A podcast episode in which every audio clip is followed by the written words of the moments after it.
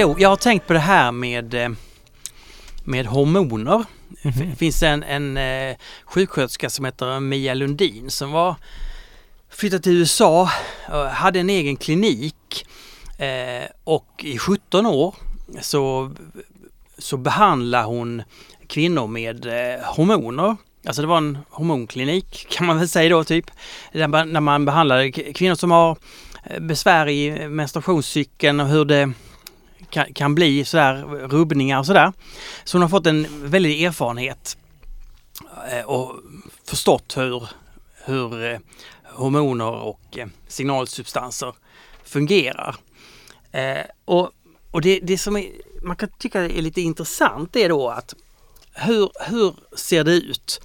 Eh, jo, alltså är man kvinna så har man serotonin och GABA som, som är lugnande eh, transittersubstanser. Och sen så har man då eh, noradrenalin och dopamin som är mer gasande. Eh, Uppåt och neråt helt enkelt. Ja, uppåt och neråt. Och du behöver ju ha de här i balans. Men så har du då östrogenet som går upp och ner i månaden. Och du har även någonting som heter progesteron som sjunker strax innan ägglossning. Eh, och då, då, då utsöndras ett gulkroppshormon. Och då, då, det som händer då hos en kvinna är att serotoninet sjunker. Och man, blir, man kan inte sova på natten. Man, man, man tänker på allting hela tiden. Och då ska ju kroppen på ett naturligt sätt ställa det här i ordning. Eh, då har man hypofysen som är som en dirigent och ska dirigera om de här substanserna. Men i dagens samhälle där man är stressad, jobbar man någonstans, då är man nästan alltid stressad. Och stressen gör att, det, att man sätter det här balanssystemet ur balans. Hur ser det då ut hos en man? Ja, vi, vi har ju då FSH-hormonet och vi har testosteronet. Och hur ser det ut? Sviktar det upp och ner över månaden? Nej, det ligger alltså helt, i stort sett helt jämnt över hela månaden. Så vi har inte de här rubbningarna. Men då är det någonting som, som finns som är att prata med någon. Alltså kvinnor behöver prata med andra kvinnor till exempel. Eh, vad händer när, när kvinnor samlas i grupp och pratar med varandra? Eller när kvinnor pratar med vem som helst, när, när man pratar med vem som helst. Jo, då utsöndras oxytocin. Det är lugnande. Man behöver alltså prata, samtala sig igenom de här tro- svårigheterna man har. För då, då, ställer, då hjälper man att ställa det här till rätta. Men vad är då det biologiskt naturliga för en man när en man utsätts för stress? Det är att krypa in i en grotta och vara lite för sig själv. Därför det är så man hanterar stressen i ett manligt eh, perspektiv. Men, men vadå, kan man inte prata? Jo, en man kan behöva prata. Men om pratar man för mycket, vad utsöndras? Jo, oxytocin.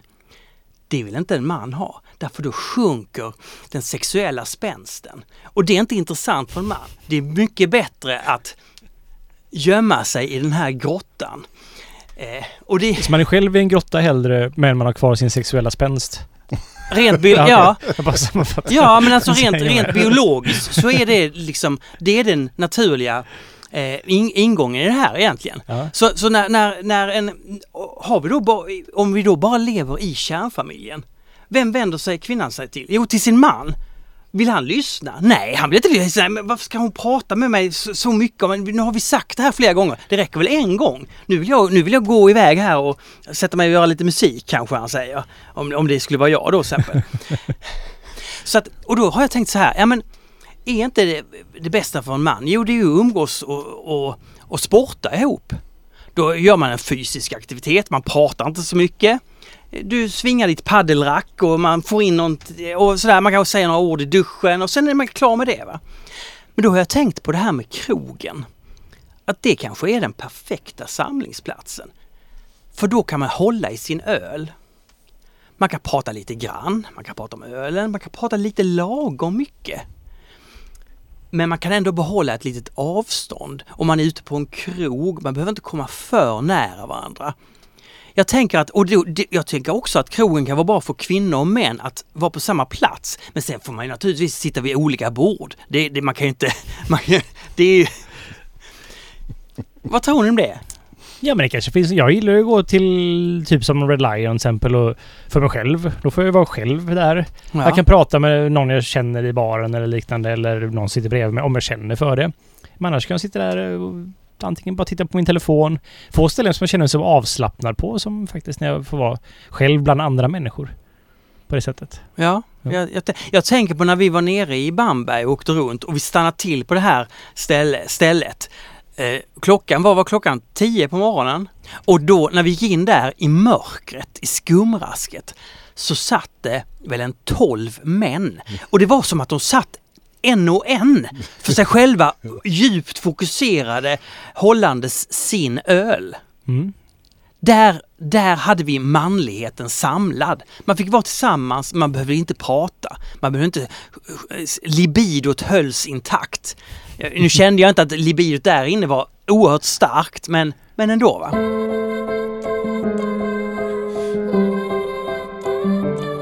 Olle, Ja. Vad har hänt på bryggeriet sen sist? Eh, eh, mm, eh, jag vet faktiskt inte riktigt. Men det är väl det. Vi lunkar på ett så normalt tempo typ. Vi brygger massa öl, Ja, paketerar massa öl. Jag har varit så här, jag, jag gifte mig. Som ni vet. För, du gifte dig? för typ två veckor sedan. Två och Ja, en halv, nästan tre veckor snart. Ja. Faktiskt. Ni var ju där. ja. Det var jättetrevligt.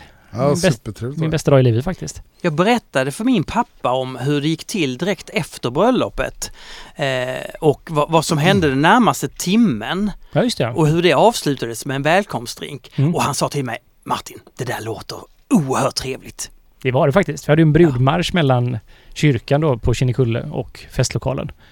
Som ändå var eh, nästan fem kilometer faktiskt. Mm. Så det tog ju en timme. Jag fick sån jävla skoskov bara. Jäkligt fint. Ja. Gissa vi gick tillbaka samma väg på natten klockan tre.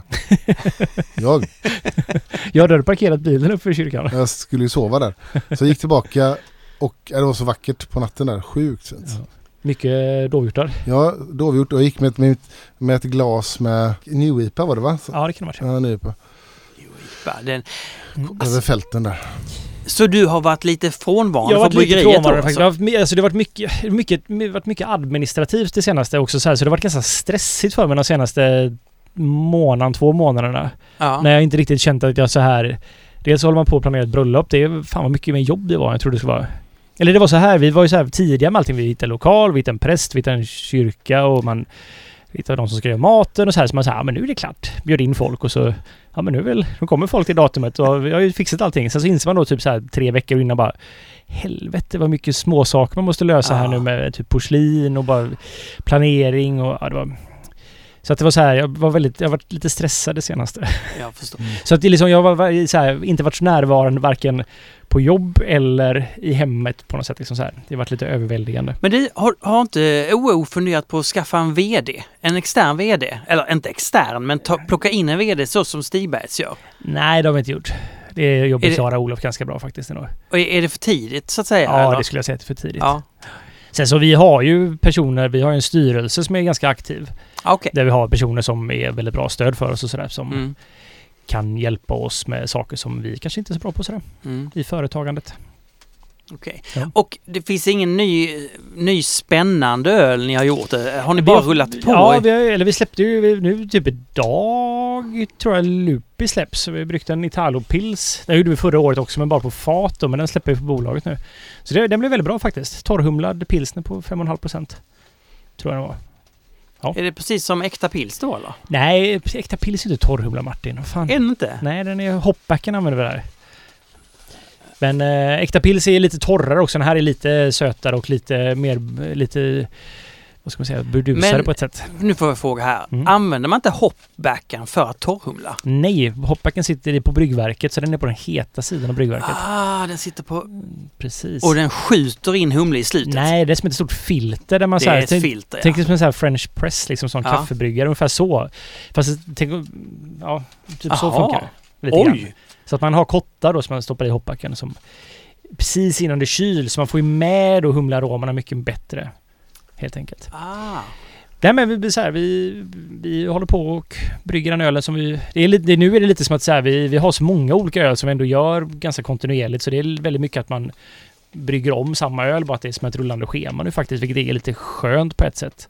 Det är, har ni, kommit, ni har kommit till en, en nivå nu kan man säga där, där ni har landat lite grann eh, och framöver så kanske ni, ni, det kommer och ja, men säg om ett halvår, då plötsligt kommer det utökas för plötsligt får ni någon exportmarknad med, ni får in lite mer öl och då måste ni plötsligt växla upp Mm. och köpa ett nytt bryggverk. Bryggverk behöver vi nog köpa tror jag Aldrig inte. köpa, ni kör tankar. Mer tankar kan men det är ju väldigt dumt att köpa just nu i och med att eh, liksom frakten från, om man köper en tank från Kina då som de flesta gör, så är ju frakten lika mycket som tanken kostar nästan i dagsläget. Så det är, det är inte riktigt läge för det. Sen så vi har lite kapacitet som är underutnyttjad så här, men det är ju mer en form av logistisk förbättring vi behöver göra för att Men- uh, utnyttja det. Men jag tänker om, om många bryggerier går i konkurs, då Mm. kanske det finns lite konkursboende att köpa. Ja, fast då måste man hitta rätt st- storlek på tankar. Det ska passa in med andra utrustningar och sådär. Okej. Man vill inte ha så att man måste liksom förändra recept och teknik och process liksom med vilken tank man brygger in i, Mm. tänker jag. Du, vad har hänt på din New England IPA-front? Är du humletrött?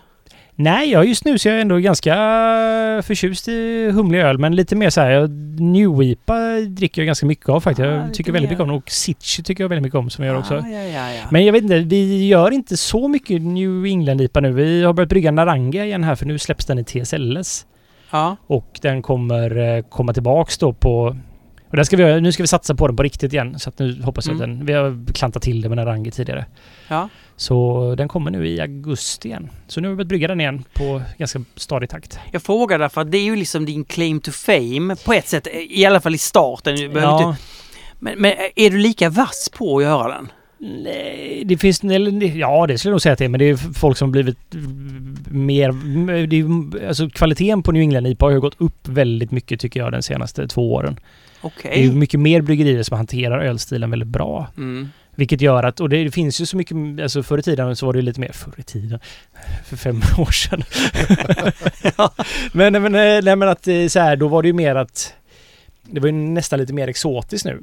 Eller då, Mm. menar. Men nu är det ju mer att så här, nu finns det så mycket New England IPA och jag har inte riktigt samma behov av att brygga. Jag brygger ju jättegärna en Narangi. Vi har dubbel Narangi också, vi säljer på bolaget. Vi gör 50-50 och så här 100 och sådana saker. Men jag har inte riktigt den här att jag behöver göra så mycket nya New England hela tiden. Känner jag Mm. riktigt. Men... Eh, jag vet inte, så lite har man väl, man har väl stagnerat kanske. Men man kommer till en viss nivå där det är som att säga, jag vet inte vad jag ska göra för att det ska bli bättre. Eller jag skulle kunna jag, jaga bättre humle men det är väldigt svårt i dagsläget. Eh, och sådär. Men... Eh, ja, jag är lite sugen på att göra en ny. Eh, en med råg i faktiskt. Men det får vi se, den får komma senare. I sådana fall. Har du inte gjort det tidigare då? Jo, vi, Jo, vi, vi använder råg rätt mycket nu i olika öl. Scarlet? Jag menar IPA menar jag. Ja, precis. Men det var ju mer en West Coast Red Ale. Ja, det var en höstöl vi gjorde ett år. Scarlet Red IPA. Eh, det blev väldigt gott faktiskt. Men eh, vi, vi, vi släpper ju också i augusti en uh, rågporter som vi gjort en gång tidigare, förra året. Den blev väldigt god. Den är så här amerikansk rågporter som är torrhumlad med Chinook och Centennial. Som jag tyckte blev väldigt, väldigt, väldigt gott.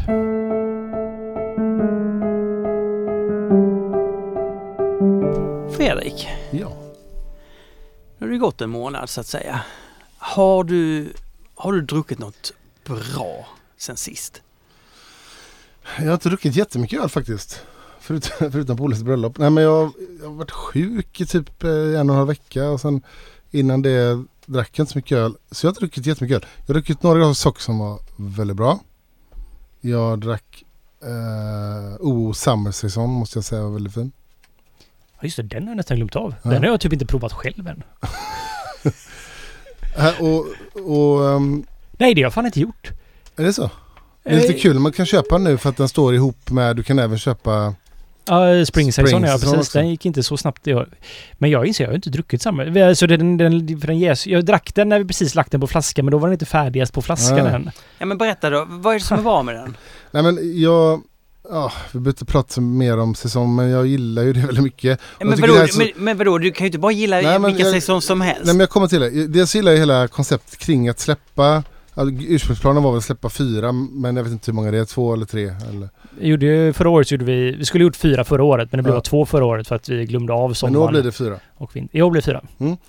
Så de är väldigt snygga, alltså hela, hela den serien, fokuset på det. Mm. Men sen är det så jäkla bra, välgjord liksom. Eh, exakt så som jag vill ha den. Torr, frisk Den här var gjord med och- spältvete också. Ja, det blev lite speciellt faktiskt. Ja, det blir det. Det var nästan som en... eh, Eller nu var det när jag drack den när den var okolsyrad då i tank så tyckte jag att den var så här, den var väldigt...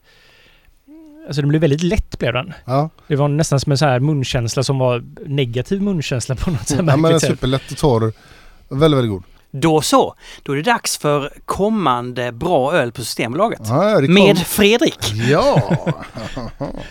Det var ingen jingel till det heller. Jag tror vi har en jingel. Nu är det dags för Fredriks Systembolaget-tips. ja, alltså det finns, eh, det kommer en eh, dubbellipa-variant av Sierra Nevadas eh, Atomic Torpedo. Ja. Som är jäkligt bra. Eh, riktigt bra. Där kommer den då.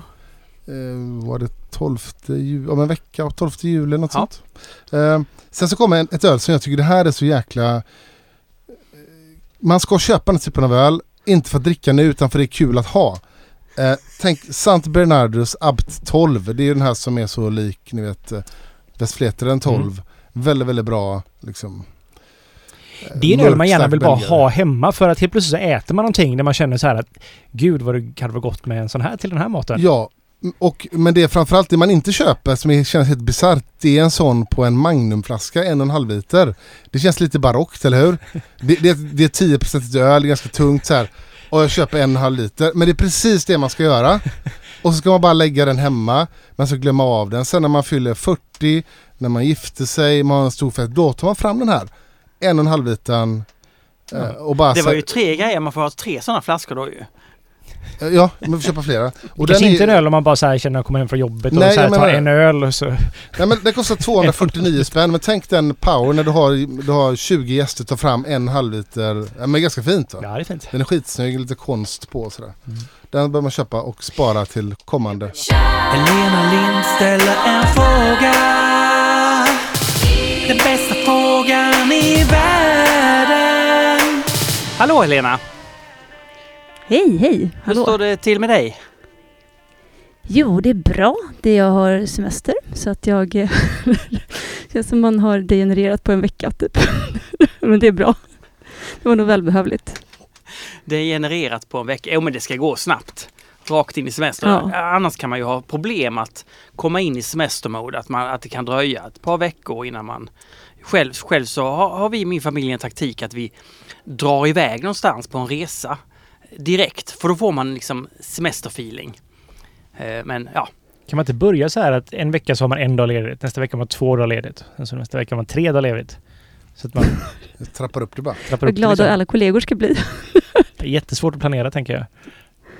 Du Helena, vad har du tänkt på den här månaden? Ja, ja, men det är lite det, det det handlar om. I alla fall, vi har haft det väldigt varmt i Stockholm och då behöver man ju liksom nästan använda öl för att eh, släcka törsten på ett sätt. Liksom att man, eh, eh, man dricker kanske öl, inte bara för smaken utan också för att bli otörstig. Eh, så då har jag funderat lite på det. Så är det så att olika människor tycker att olika typer av öl är läskande och vad finns det för olika liksom, parametrar när man eh, pratar om törstsläckande öl. Så den första frågan jag har är faktiskt till dig, Olle. Eh, när du tar fram en, ett recept på en ny öl Mm. och du tänker att det här ska vara en sommaröl, den här ska vara törstsläckande och läskande. Vad, vad tänker man rent praktiskt på för att, för att skapa den typen av öl? Om man ska vara helt ärlig så tänker jag väldigt sällan att nu ska jag göra en, eller jag har aldrig gjort det faktiskt, att jag ska göra en sommaröl på det sättet liksom. Eh, alltså den här typen av öl kan jag vara sugen på året runt liksom. Eh, ganska ofta. Men det som, det som jag tänker när jag tänker att nu ska jag göra en, alltså en öl som man, ja, man släcker törsten med, som man ändå känner så här att man kan ta en djup stor klunk av och vilja ta en till stor djup klunk av. Då, det är ju torrhet och beska man ska få i den då, utan att det blir någonting som är besvärligt på samma gång. Och eh, det är ju lite olika för olika ölstilar på något sätt också liksom. Eh, men till exempel så här, vi gjorde en öl som heter Mad Mets som är en hyllning till vår danska importör som är en belgisk importör i Danmark. Och han heter Mats.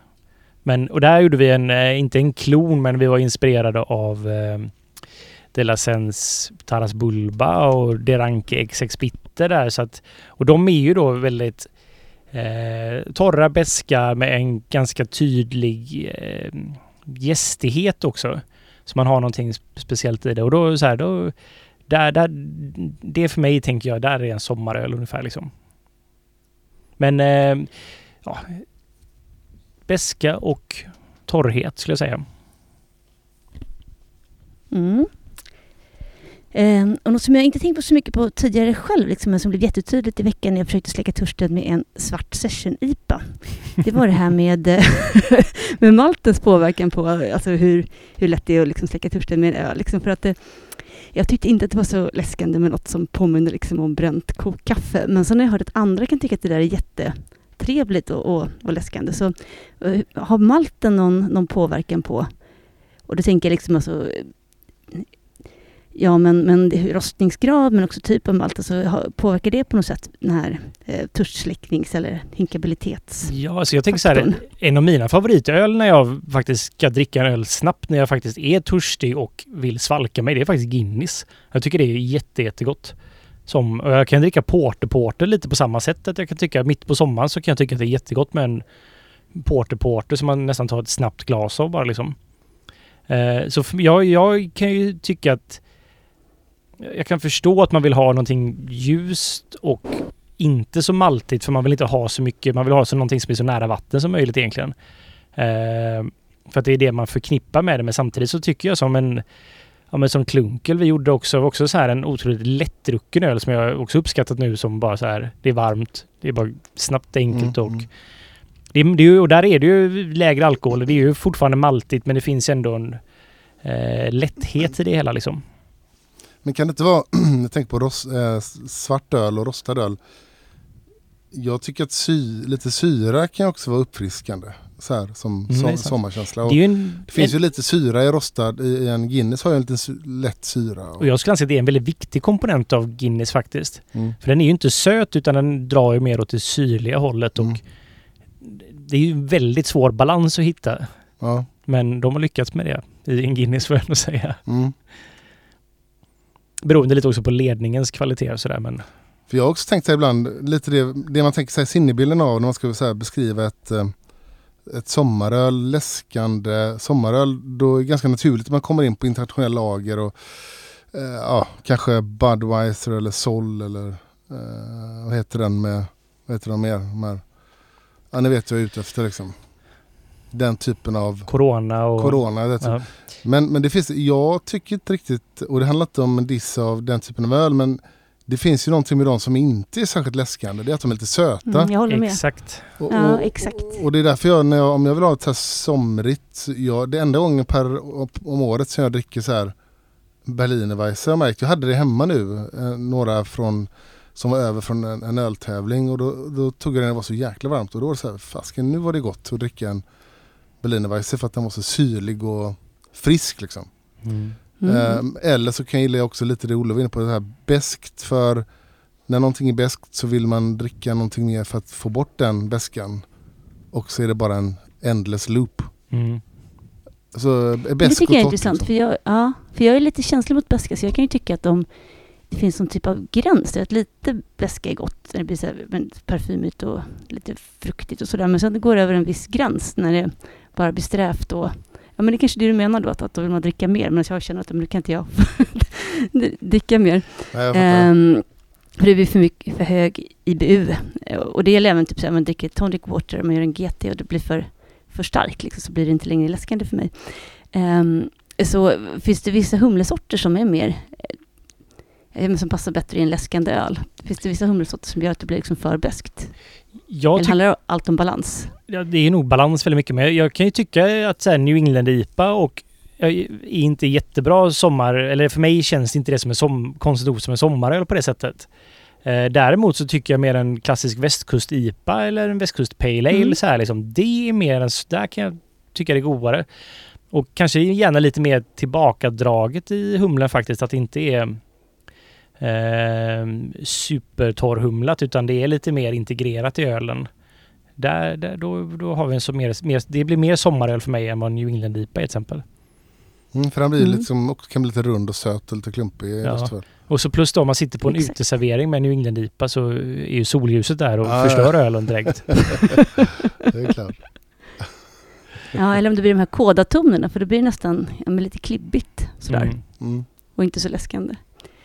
Ehm, och så tänker jag Fredrik, när man bedömer och provar öl, då finns det väl vissa ölstilar som ska vara lite sådär, eh, ja kanske med en pilsner till exempel, den ska vara lite läskande och lite så, men även industrilager och så. Och finns det någon, hur, hur tänker man när man liksom bedömer öl? Och finns det några typer av begrepp för, för just det som betyder ja, men, läskande eller Ja, eller för så? Läsk, fackorden, läskande tror jag inte, jag har inte hört det användas på det sättet. Men eh, frisk, friskhet kan man ju tänka.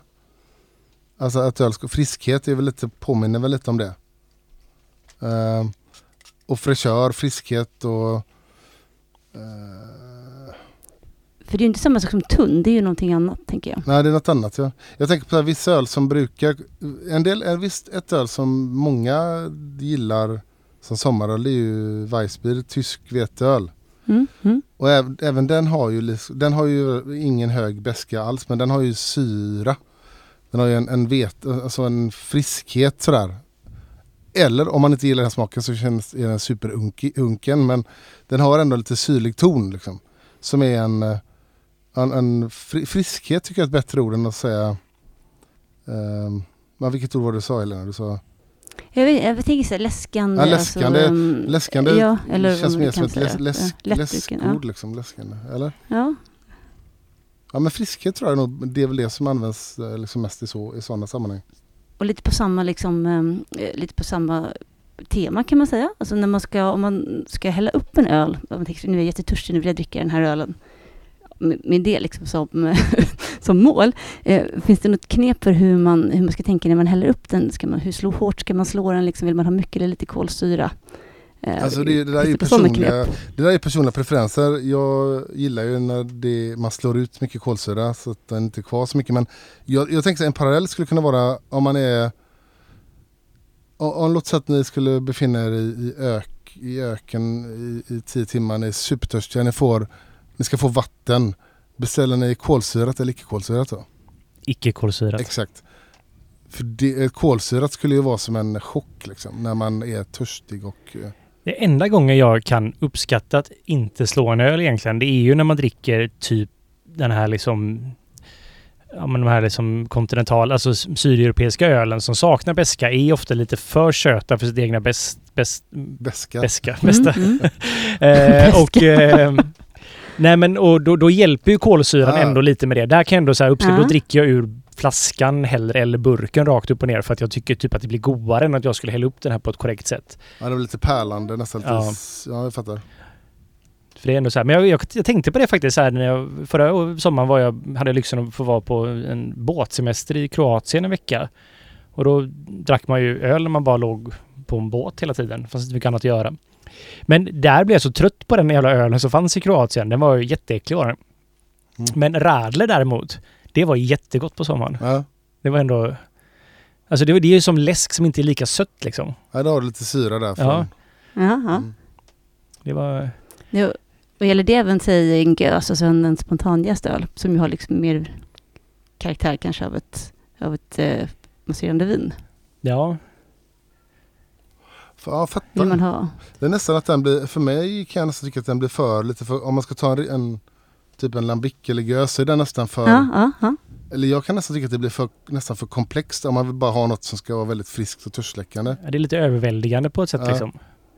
Smakmässigt. Nej, och, Om man inte väljer en, eh, ja men kanske en framboas är ju lite snällare. Ja, jo, det, Det är sant. sant.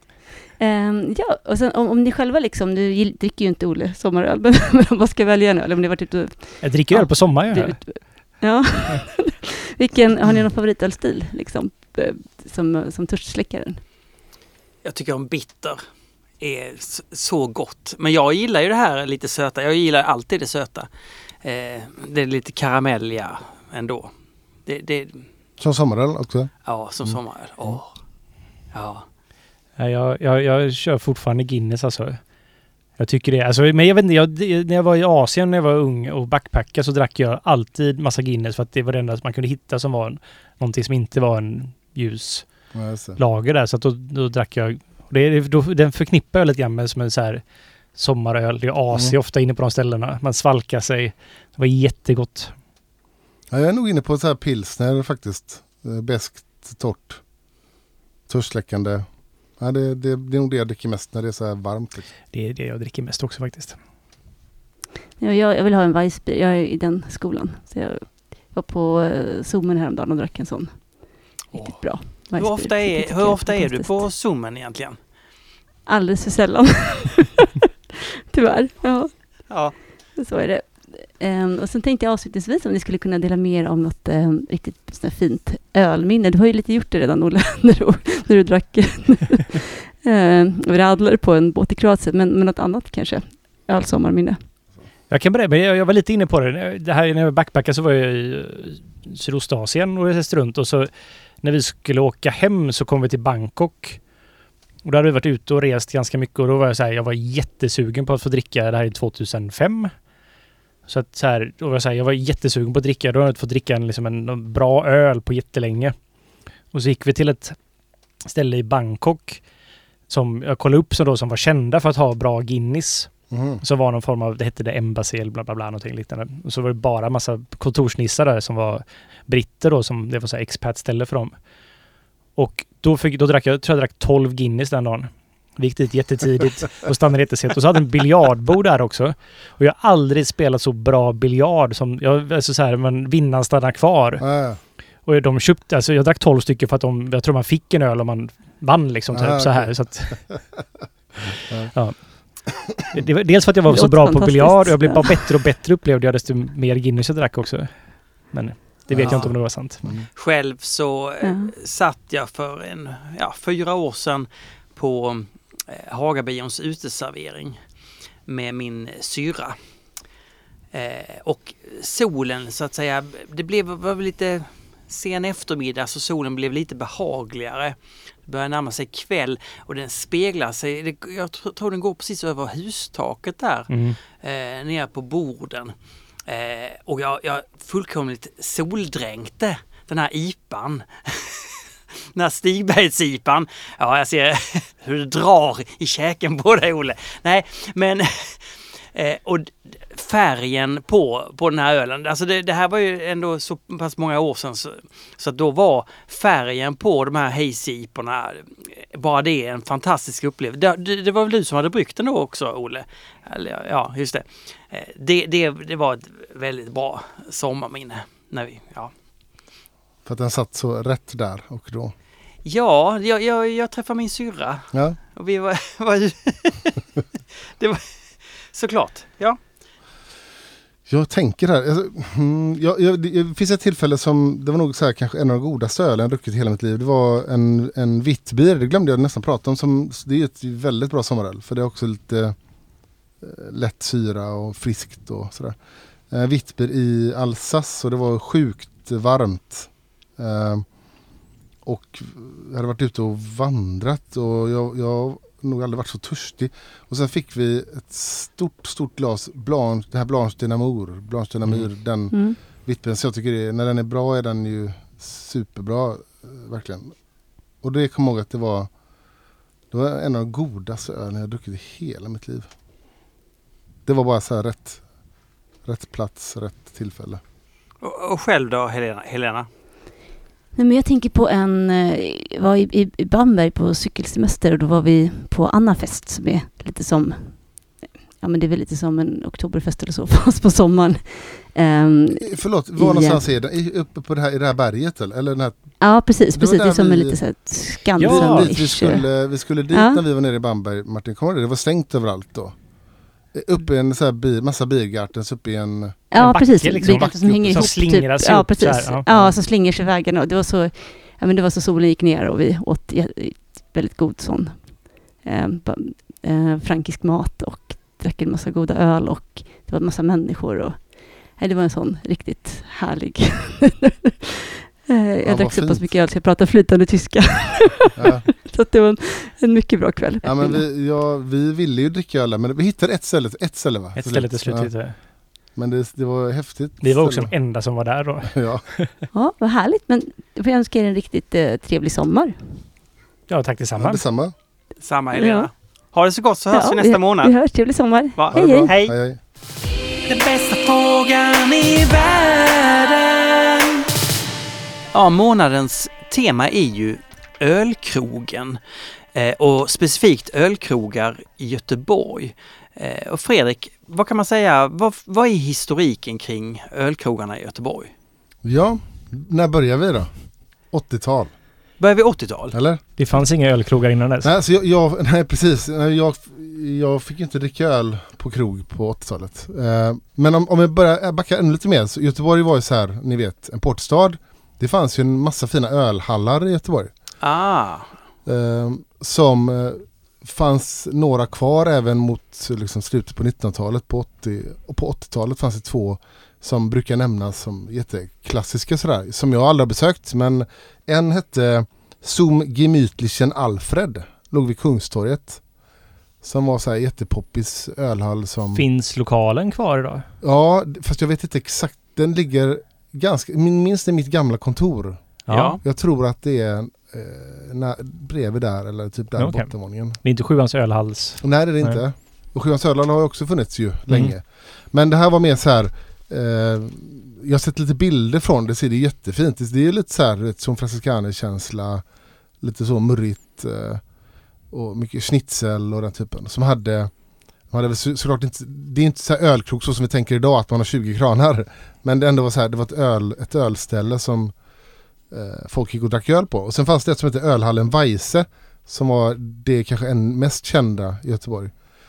Som grundades på, på, på 1800-talet och det fanns i Göteborg ända fram till eh, eh, de flyttade den krogen redan på, eller början på 90-talet till Vasastan någonstans. Men den låg eh, Södra Hamngatan 17 eh, och är från 1893 och den var jättefin gammal hölla. Då flyttade de den interiören till eh, eh, Linnégatan. Mhm. Men det gick i konkurs ganska... Vart på. Linnégatan då? Vet inte låg. Okej. När du säger ölhall, då tänker jag ju på en hall, det vill säga högt i tak, ett lite större rum. Ha- Har det någonting med, med sanningen att göra? Jag vet, ja, det kanske det är. Jag tänker på Pelikan i Stockholm till exempel. Det kan man väl kalla för en ölhall. Men, Birhalle säger man ju. Ja. På svenska är ju hall där man går in i en lägenhet det är inte samma sak. Nej, det är sant. Och, men på tyska Bierhalle, kan ni tyska det? Då är, då är hall typ som en stor hall. Äh, Man, man kan säga en handbollshall. Ja, eller men precis, ja. Idrottshall. Ja, jag vet inte Martin, men det låter ju... ja, men, men alltså då, så kan man säga att ölhallarna har dött ut? Ja men det har de väl i stort, i alla fall de här klassiska ölhallarna i Göteborg. Så det fanns ju inte mycket kvar av detta sen på, på 80-talet i Göteborg. Det fa- Göteborg var ju, när jag frågat folk som ändå var ute i svängen på den tiden, det fanns ju inte jättemycket restauranger i Göteborg på Nej. 80-talet. Ja. Men det, när kom den första ölkrogen då egentligen? Om man pratar modern ölkrog, det som vi idag Ja. menar liksom. Så det här är så jäkla intressant för Brasserie Ferdinand eh, känner ni Just till. det. Som låg i, i botten på NK-huset i de här vackra valven där. Mm. Det är lite hallkänsla ändå på ett sätt. Ja, och, och, Om man är på så här tyska ölhallar. Och Det var faktiskt, jättelänge sedan jag var där men ja, och det finns ju inte kvar eller sen ett antal år tillbaka Swedish Taste tog väl över de lokalerna och de renoverade och gjorde om där. det kanske gjorde. Eh, Så, så du, det finns inte kvar i nuvarande form alls då. Men det som är intressant var att Ferdinand, Brasil Ferdinand startade ju någon gång på, jag har inte hittat exakt årtal, men tidigt 80-tal. Och så vet jag att, och de börjar ju importera eget öl, alltså från Belgien. Mhm. För grejen är så här, ni minns säkert, vi har pratat om det flera gånger, 95 så följer det här importmonopolet. Man fick börja importera, man fick sälja öl, vilket egentligen innebar att du fick starta en importfirma och sälja öl till andra och du fick sälja öl till Systembolaget. Tidigare hade det varit monopol på det, Vin och Sprit hade ju monopol på det. Men du fick Men ju ta in innan öl. det, köpte alla krogar då öl från Vin och Sprits importbolag? Ja, du köpte öl från eh, därifrån. Sen fanns det några som hade någon form av där Vin och spritcentralen gav ut någon form av, jag vet inte vad man kallar det, eh, licens till vissa, för det fanns ju en del ut, det fanns ju utländsk öl i Sverige men som gick via dem Mm. på något vis då. Men vad du fick göra på 80-talet som är ganska intressant är att du som krog kunde importera öl till ditt ställe. Vilket eh, Ferdinand gjorde. Så de, de hade ju liksom belgiskt öl tidigt innan det fanns så mycket belgiskt öl på bolaget. Vilket är helt eh, rätt fascinerande då. Mhm. Så det jag har hittat är så här redan på så här 87 hade de, hade de någon belgisk ölprovning där. Vilket är ju helt eh, så här i efterhand galet tidigt då. Mm. Var det samma i Stockholm ungefär eller var det... Nej, och det är det så här, när jag forskade det tidigare så, så här, då pratade man ju om Stockholm och eh, Anders Thol som, som är Sveriges första ölkrögare brukar man säga. För att han, och det var 89, Norra Brunn i Stockholm. Mm. Det, det, det räknas som så här starten för ölkrogscenen i Stockholm, den moderna ölkrogscenen som influerade mycket av eh, de som startade Akkurat och OT och, och det här. Men, och, då, och då startade han 89 och då bör, när jag började tänka på det, här, men det innebär ju ändå att Ferdinand i Göteborg sålde belgisk öl redan 87. Det är lite spännande. Mm. De var väldigt, väldigt tidiga liksom. Men det du säger här är att 80-talet var väldigt fattigt på Det, ja, öldrickarställen. det var fattigt. Ja. Ja. Men Så det här var ju, om man tar Göteborg, det var väl de här ställena som det brukar nämnas. Det fanns ju inte så mycket, jättemycket spännande. Men det hände ju lite senare på 90-talet. ja, drog det igång då eller? Vad, vad, Ni- 90-talet som jag nämnde på, det var ju då som det här importförbudet eh, försvann. När du fick, eh, du fick sälja öl till Systembolaget. Och det kom in, Systembolaget gick från att ha en leverantör till eh, nästan 100 leverantörer bara på en natt då. För det var ju många som hade förberett de här ansökningarna Mm. och startat upp. De visste att det här... Ja, för det var när vi gick med i EU som det här föll då. Just det. Så att 90-talet präglades av att det kom in en massa var, var det importföretag. 92 eller 93? 90, 95, Var det inte så sent? 94, 95. Uh, ja, nu blir jag osäker. Men nej, men det var det. och då, då, då slopades det och det innebar att Nej, men då, då öppnades ju här, importmarknaden öppnade upp och det fanns, det startade en massa företag som sålde eh, öl helt enkelt till restauranger och krogar. Och i Göteborg då, det brukar prata om de tidigare krogarna i Göteborg. Det fanns tre stycken som startade samma år, 92. Det var Haket. Eh, det var den eh, brittiska krogen vid eh, Hagabion, vad heter den? Hjälp. Old Beefeater? Beefeater startade 92. Eh, och Het Amsterdametje oh, Mm. som ligger här vet, bakom centralen. jajamän, Ja. där har Dit man får vi gå någon gång snart tänker jag. ja. Och då, det är så här, då är det pratar vi tidigt 90-tal, 92. Det är å, återigen innan det stora liksom, import liksom, explosionen. Då fanns de här tre ställena. Då hade de såklart inte jättemycket spännande öl men de hade ändå en ambition. Och hette Amsterdam, de importerade också då öl från Belgien och Holland. Mm. Det var deras profil då. Så det här var ju de som var tidigt ölintresserade gick ju till, till de här tre ställena då liksom. Ehm, men sen 95 då startade den krogen som kanske har varit viktigast då. Tidigt viktigast och det var ju The Rover. Den startade 95 och det hette The Irish Rover. Och det var eh, Reinhard Jarsch, eh, Berit Jarsch, hans fru och en Peter Wolfsson. ehm, som startade detta. Och de Wolfson hade... är ett bra namn alltså. Ja, Peter Wolfsson. Han kallas för Wolfen, kallades han för. Han såg också faktiskt ut som en eh, varg. För att han var så här grått, stort hår och han såg lite vild ut. Ja, Okej, ja. Ja, Men betyder det att någon hette Wolf från början och så blev det Wolfson? ja kanske. Ja. Jag vet faktiskt inte. Men de hade 95 då när Irish Rover startade. Reinhardt gick väl in som, han var inte så han drev krogen från början, han gick in med pengar där. 95 hade de ett avtal med Falcon. Så de hade ju så här Falcon, eh, Kilkenny, eh, Guinness och det var en mer brittisk pub. De hade lite brittiska stammisar och sådär. Men Reinhardt var ju väldigt sådär, han ville ju få mer och bättre öl. Då och då, som jag sa, 95 föll importmonopolet. Massa nya bolag startade under 96 och 97. Så 97 kastade ju Reinhardt ut Falcon som huvud... Då, då löper hans avtal ut med Falcon. Och han förnyar inte det. Och det här har jag nog pratat om tidigare. För mig blev det här lite symboliskt och för Reinhardt också. För just den dagen, då var jag inne på Rover och eh, då hade jag blivit engagerad i Svenska Ölfrämjandet och, ville, och hade kontakt med Stockholm och ville starta någonting i Göteborg. Och då gick jag, då hade jag fått liksom höra att där Rover har bra öl. För jag ville ha ett ställe vi skulle ha våra träffar på. Och då gick jag in och pratade med Reinhard. Samma dag han kastade ut Falcon. Så han var ju jätteglad så här. Och, så då bondade jag han till han där. Eh, och Jonas Arnfelt då fick jag kontakt med som också var en ölfrämjare i Göteborg. Så då startade vi våra träffar på Rover då. Så 97 började Rover bli eh, mer intressant ölställe för då började han ta in en massa spännande öl då. Okej, så det var 90-talet. Ja men bara kort lite mer om Rover för att det har varit så pass viktigt ändå. Får man säga. Det, det är ju lite grann som ni vet. Eh, För dig? För Nej. Göteborg? För Göteborg? ja, för ja. Göteborg faktiskt. Mm. ja men även eh, Och för Olle? har ju hängt ja, ja, ja, och- ja, ja. Eh, ja, men personer som Thomas Bingebo hade inte ens startat bryggeri om inte han hade hängt på Rover. Det var där han kom i kontakt med, med, med personer som han fick en praktikplats på i, och sådär, på ett bryggeri. Och, ja, det, det har varit en super, det var som så här, nu vet, skivbutiken High Fidelity om ni har sett den Mm. Mm. filmen. Att där samlades ju, det var verkligen så här de ölintresserade hängde där. Mikael Dugge var där tidigt och så. Um, och Reinhardt började tidigt så här arrangera tyska ölveckor, tjeckiska ölveckor, svenska ölveckor, lite så här festivaler. Vi arrangerade hembryggartävlingar där och eh, sånt. Så det, var, det blev en en hubb får man säga för öl, öl Göteborg då.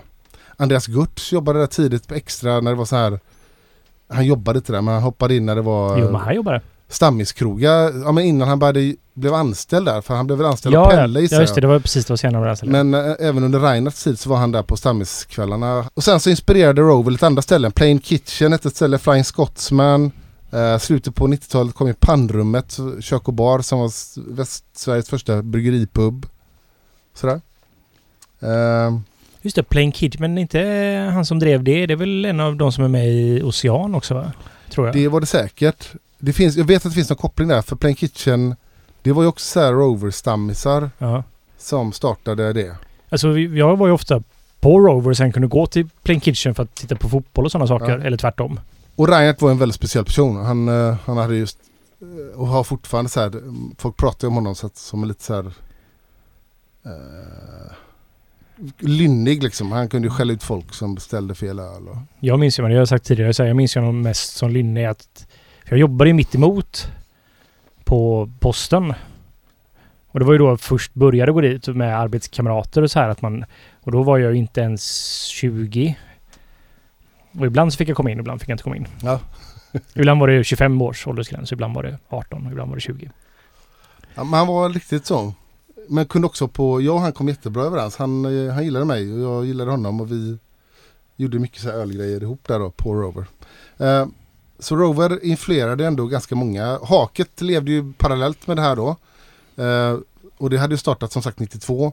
Men det var först lite senare de fick en tydligare öl, eh, ölprofil då. Kan man säga. Men hoppa in på 2000-talet. Så då, då var det två personer som träffas egentligen 99. Pelle Frost och eh, Niklas Gustafsson träffas i Örebro. Och eh, jobbar tillsammans där på eh, Bishop Arms. Mm. Eh, och eh, flyttar båda två till Göteborg. Jag tror att det är två, år 2000 de flyttar till Göteborg. Um, bor tillsammans i en, eh, i en, eh, ett hus i Hisingsbacka någonstans där och börjar jobba på Bishop Arms eh, vid Göteplatsen. domkyrkan. Ja. Nej, var det inte Avenyn? Det kanske inte var. Ja, då fanns inte, nej, första Bishop Arms är eh, Hamngatan. Ja, men då är det Den, säkert där ja. den öppnade 2000 då. Och där träffades de och eh, deras chef var Fredrik Pilqvist heter han. Han som idag är på Nynäshamn. Just det ja. Som var bar. Mm. Var inte det Örebro? Nej. Var det Göteborg? Det var Göteborg han var Ja, okej. barchef. Det var en som, eh, Py- Pyrre drev Bishop Arms i Örebro. Han är känd. Just det, jag blandar Ja. ihop det där. ja. Då, i alla fall, då började de drömma om att driva egen krog. Eh, Niklas och Pelle. Och vad, vilket ställe tog de över sen Martin? Rover.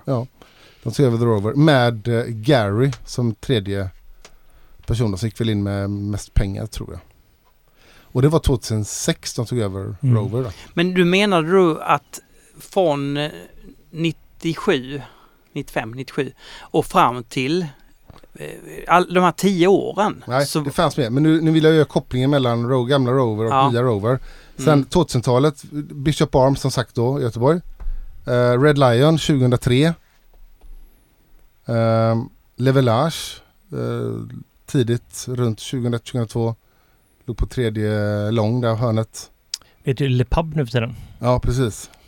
Och det här låg tidigare på hörnet där, där det idag ligger... Ja. En ateljé va? N- Nej, det är en annan restaurang på hörnet där.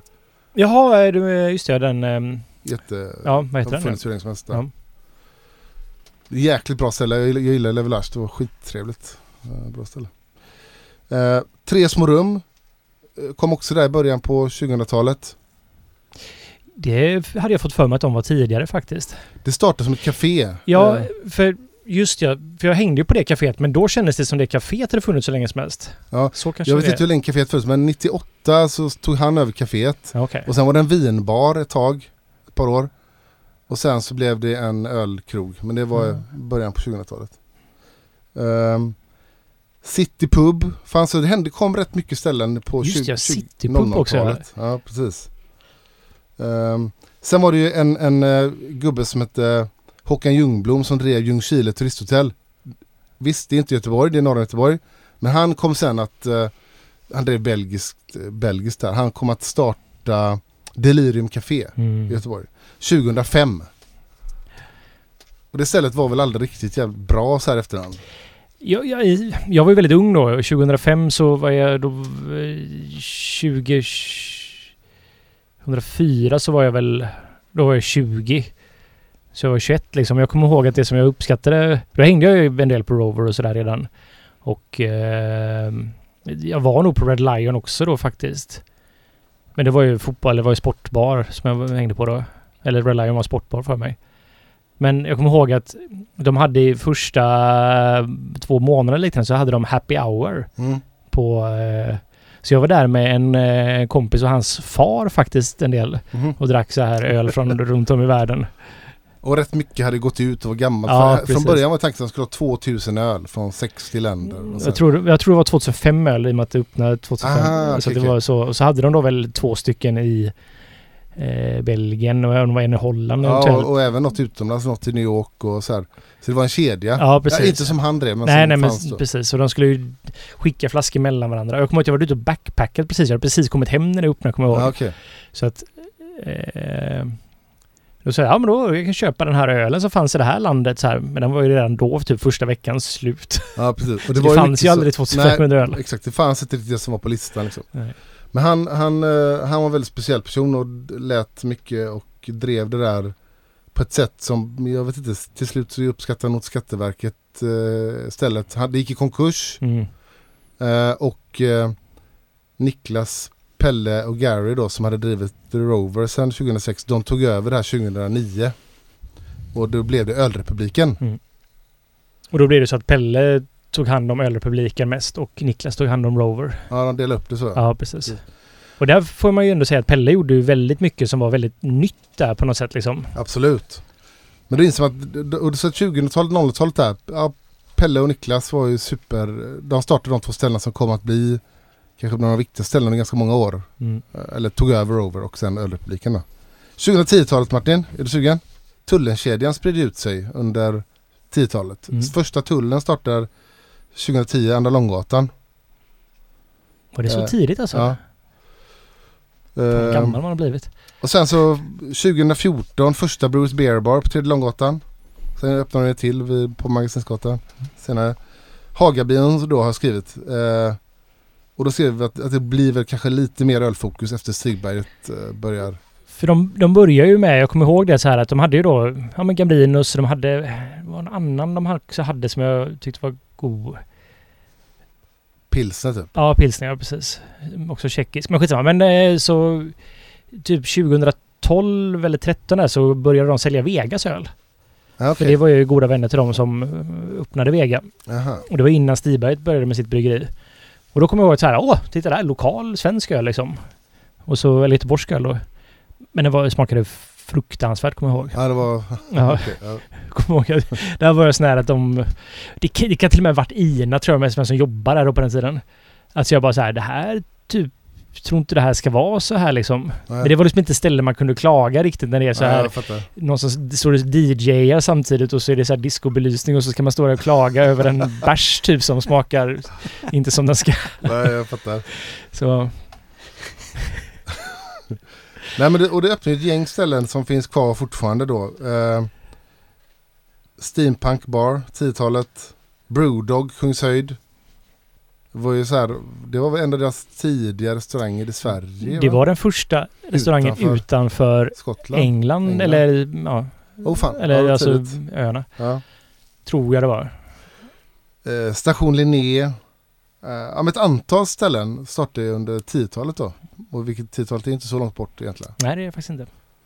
Ehm, så 20-talet då? Vad, vad kännetecknar 20-talet? Två år har gått, tre år, tredje året vi är inne på nu. Obar öppnat. Ja, exakt.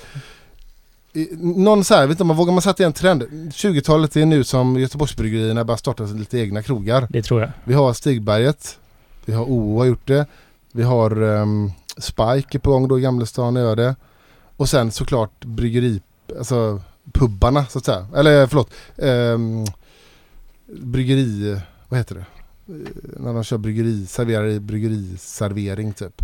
Jaha, eh, vad kallas det?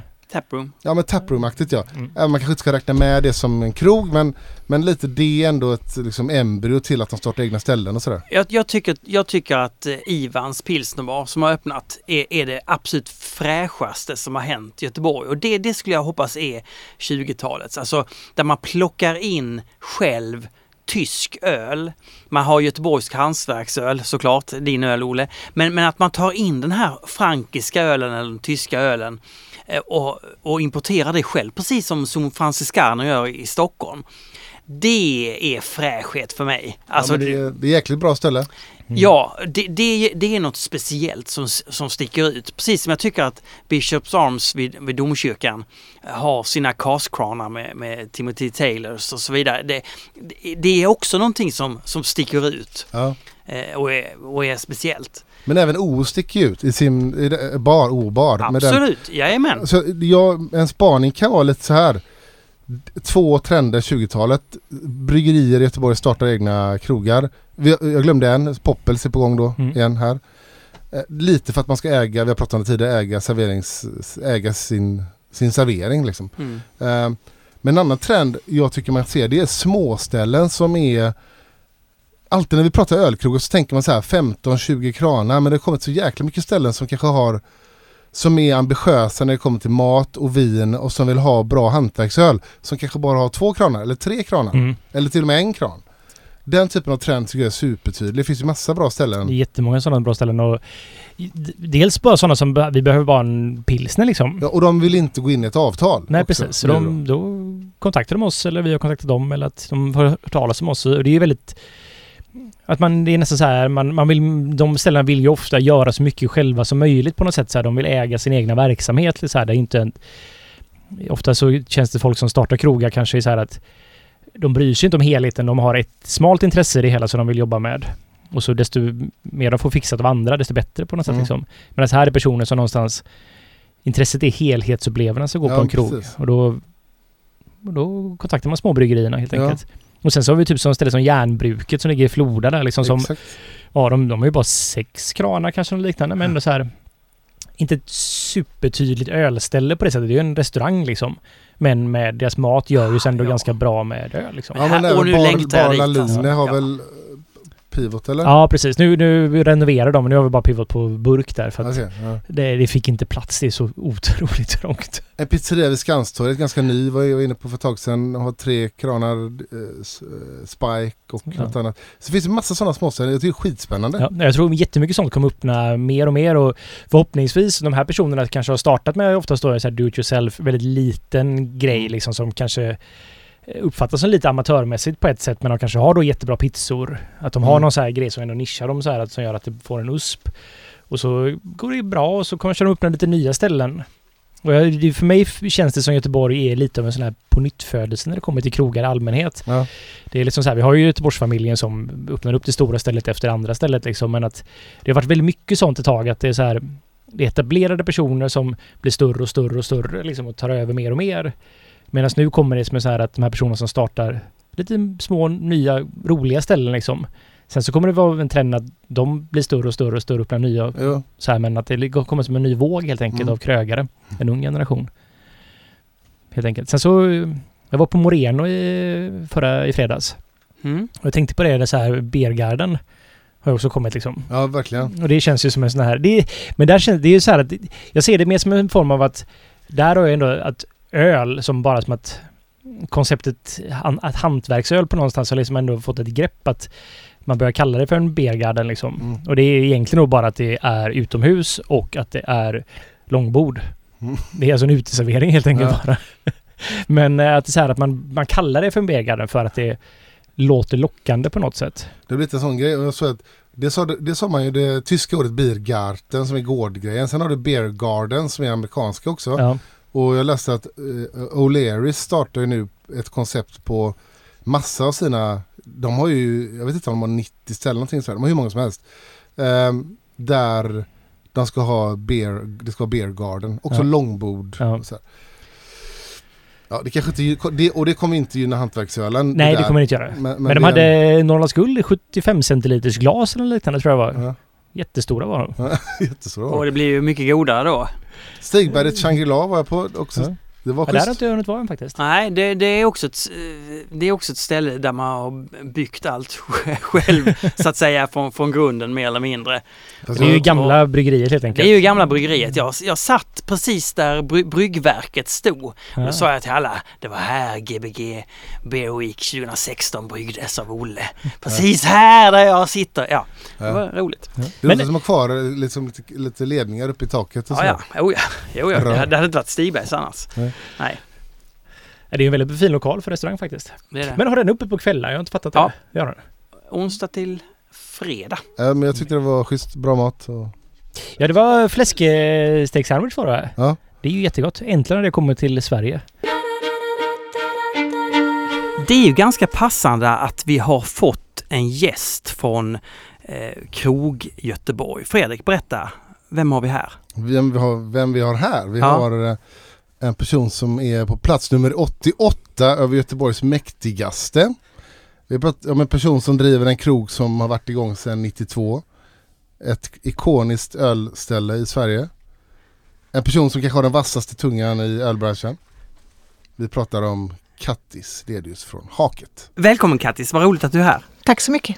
Kul att vara här. Var det en bra rätt presentation eller? Eller, Eh, Kattis, alltså haket. Stämmer bilden av att det är som ett ställe som, som välkomnar väldigt många olika människor och som har en inriktning på, på ölen? Kan man Jo. säga det så enkelt eller? ja, men det har vi haft sedan 92, att alla ska med på ett sätt. Så vi har ju, syntarna har ju varit hos, hos oss i 30 år. De har ju varit liksom trogna. Och de kanske inte var välkomna på alla ställen förut med piercingar, tatueringar, rosa hår. Men hos oss så, alla ska ju med liksom. Så det är inte alla som är ölmänniskor som kommer till haket. Men Mm. Sen har vi också med oss, vi har med oss Rickard Larsson från Red Lion. Välkommen! Tack. Vad är då Red Lion? Ja, Alltså jag skulle säga att eh, Red Lion har eh, varit en ganska så brittisk pub sedan 2003 va? Mm, Just det. Och det som har hänt, som jag tycker har hänt, det är att eh, själva Majorna där Red Lion ligger har gentrifierats mer och mer och det har blivit mer eh, hipsterkänsla på Red Lion. Stämmer det tycker du? Mm, ja, det kan det nog göra. Men det är nog inget som vi medvetet har gjort för att passa in bättre. Nej. Utan det har nog bara varit att, att man har lämnat det där brittiska pubbiga lite. Och, och gått vidare från det kanske. Man har ändå haft det som avstamp från Mm. början kanske. Men idag är vi kanske inte brittisk pub så längre. Vi är nog- vi är ett ställe som ska passa alla kanske. Ja, vad, vad säger du Kattis? Alltså vad, vad skulle du säga är er profil idag? Eh, alltså vi är ju ett, ett ölställe. Vi är stolta över det vi har. Jag tycker vi har förvaltat det väl. Alltid jobbat nära de eh, lokala bryggerierna. Och det, kom, alltså det har ju inte ändrats. Utan det är väl våran grej. Vi gillar att jobba med de små. Är det liksom filosofi, alltså att Ja. värna om de, de små? Eller? Ja, ja, jag tycker det är gött. Och liksom nu under pandemin, vi har ju träffat på bryggerier som vi inte ens visste fanns. Mm. Jag menar, vad heter, vad heter de uppe i Landvetter? kom med en tunna på eh, ryggsäck, eh, wet whistle. Just det. de Så är- köpte vi ett fat. För det var gött liksom. Aldrig hört talas om dem innan. Ja. Då är det ju lite roligt. Men, och Rickard, vad är din relation till haket? Eh, det är väl ett ställe jag personligen går till gärna. Och tar gärna med min familj dit. Väldigt barnvänligt. Sen har, har, har ju eh, vi liksom alltid varit en relation mellan Haket och Red Lion genom alla år. Så att det, det började väl där, eh, att ni var stammisar hos oss. Ja, men vi, vi är ju alltså... Även om- när jag började då. Ja men det kan jag säga att om, om någon skulle fråga mig vilka är era bästa vänner inom branschen så säger vi ju Red Lion. Mm. Alltså om, någon, om, någonting, om jag behöver hjälp med någonting så är det ju Rickard jag ringer. Jag Mm. träffar ju er oftare. Alltså du och Massa helt enkelt Ja. på Red Lion. Jag träffade er på Haket faktiskt. Ja. Men det var liksom, det är ju så. Men, men Rickard, har, har du inspirerats av det haket gör? i Det här småskaliga sådär? Hur, hur, hur tar ni det på Red Lion? Eh, det ha- har jag ju absolut gjort. Sen så kanske det inte blir i riktigt samma utsträckning. Men när eh, Kattis eh, och Masse och Haket började köra bara lokalt främst under pandemin då när det var som värst typ. Så eh, försökte vi, eller vi, vi hoppade väl på i alla fall delvis liksom. Så alla gästkranar vi hade eh, blev ju lokalt bara. Mm. Och sen så gick vi väl över, det blev någon Stockholmsbärs och så här, Nynäshamn typ. Ehm, och så, i den vevan så åkte väl även Pivo Pils in fast. Vi skrotade Mm. den tyska ölen vi hade på den tiden. Vi brukar alltid ha en tysk öl på kranen. Men då slutade vi med den och så körde vi in Pivo Pils då. Så, så absolut. Eh, sen kanske vi inte ehm, köper, eh, alltså inte i samma utsträckning som, de, som Haket gör. Liksom. Små, eller ja, jo det gör vi ju men eh, ja nu, ja. Fast ni var de som var bäst. Och faktiskt hoppa på tåget. Ja men det gjorde vi. Men det har du fått cred av också. Ja, men, ja. Det var smör här. Men, men Alltså- tar ni in, liksom, kan ni ta in vad som helst inom som känns lokalt eller som finns en publik för? Eller förstår du vad jag menar? Eller är det så att nej det där vill vi, den typen av öl vill vi helst inte sälja? Vi har märkt nu under eh, pandemin så har vi märkt, vi har märkt att, att eh, då fick man ju liksom, hade du en IPA från eh, Olle och så hade du en någonting, alltså vi har börjat handla eh, mer annorlunda, lite konstiga grejer under pandemin. Alltså från de olika lokala bryggerierna. Alltså Stigberg sa det att, Henke sa att du, du har aldrig köpt så mycket konstigt som du har gjort nu under pandemin. För då hade man redan liksom någon pale ale, du hade en IPA och då köpte vi en trippel. Och du vet, du, du har, vi har fått igång kranarna på ett annat sätt. Så idag kan du ha en belgisk, du kan ha trippel och du säljer det. Det är liksom inte bara IPA eller pilsner nu. Oj! Oh, utan du kan ha liksom veteöl och säsong och så vi, och vi kan ha en, en eh, svinstark eh, stout mitt i sommaren och vi säljer den. Men, Barley wine. men ha- har det med haket att göra? Att det, det är så ölintresserade människor som går till haket? Nej men det är ju roligt nu för de lokala bryggerierna har, alltså jag tycker det är nice när inte alla brygger eh, New England IPA. Mm. Alla brygger inte Hazy Pale Ales utan ja hej vi har gjort en belgisk blond. Ja, det är Mm. klart att vi köper ett fat då. Jag, jag tror det blev så lite under pandemin Ja, också. Att så här, ja. att, i och med att, alltså det var ju krogförsäljning men sen så, så här att den var ju väldigt begränsad till och från. Men att så här, eh, Systembolaget kunde vi fortfarande lansera öl på som bryggeri. Och då var det lite som att så här, ja, men vi får lansera typ tre öl varje månad till TSL. Så då släpper vi tre öl som gärna kanske är lite olika också då. Så då, vi gjorde i alla fall mycket mer annorlunda öl som vi inte brukade göra förut faktiskt. Men vi pratade om det, vi pratade om det i helgen. Alltså det är så kul när man ser liksom våran tavla att den, är, den ser annorlunda ut än för tre år sedan. Det är Men så. känner du också den utvecklingen? Ja, eh, Jag upplever absolut att kanske eh, man säljer mer typ, eh, alltså mer olika eh, ka- kategorier öl nu för tiden kanske än man gjorde förut. Då, för, förr kändes det som att eh, IPA och lager var det som gick. Och sen kom suröl liksom. Men nu känns det som att många börjar dricka även klassiska grejer, alltså stilar igen. Mer ja, men, brittiska ales och br- Mm. liksom bitters. Mm. Mm. Och eh, dessutom så, så tror jag att folk har fått upp ögonen för eh, craftlager och craftpilsner mer än vad man hade innan. Liksom. Mm. Det tyckte jag var svårt att sälja förut.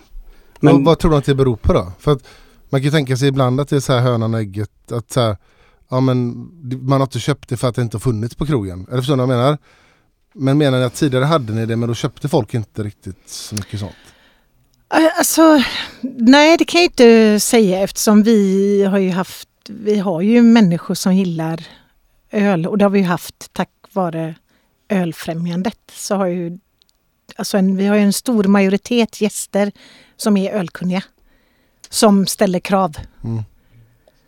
Men nu har ju de också stiftat bekantskap med nya bryggerier. För att jag har ju varit... Ja, vi har ju bara... Vi körde ju liksom bara lokala bryggerier ett halvår i alla fall. Så det är lite drivet av er också menar jag, den här utvecklingen. Det är inte bara att folk kommer och vill ha annat. Eh, Förstår vad jag menar? Det måste ju Mm. finnas en anledning till att de vill ha annat. kanske att det finns bra grejer nu Ja. Ja. mot kanske hur det var förut. Ja. Samt att eh, min bild var av, vi snackar kanske åtta år sedan typ, så kändes det som att det fanns ett överflöd av IPA. Att det var själva, det var det, när man öppnade bryggerier så, så började man brygga IPA och det var det som man liksom sålde ut till krog och sen så ville kanske vissa bryggerier testa en annan stil men det kanske då, det kan hända att det absolut hade sålt, bara att man, i och med att man kanske hade de andra stilarna Mm. sen innan då, av kanske större bryggerier, så kanske det var att man valde att köpa IPer eller Pale Ales. Men att man nu, nu finns det sån jäkla kvalitet så att man, eh, nu, nu kan man ju liksom bredda sortimentet, även småskaligt. Typ.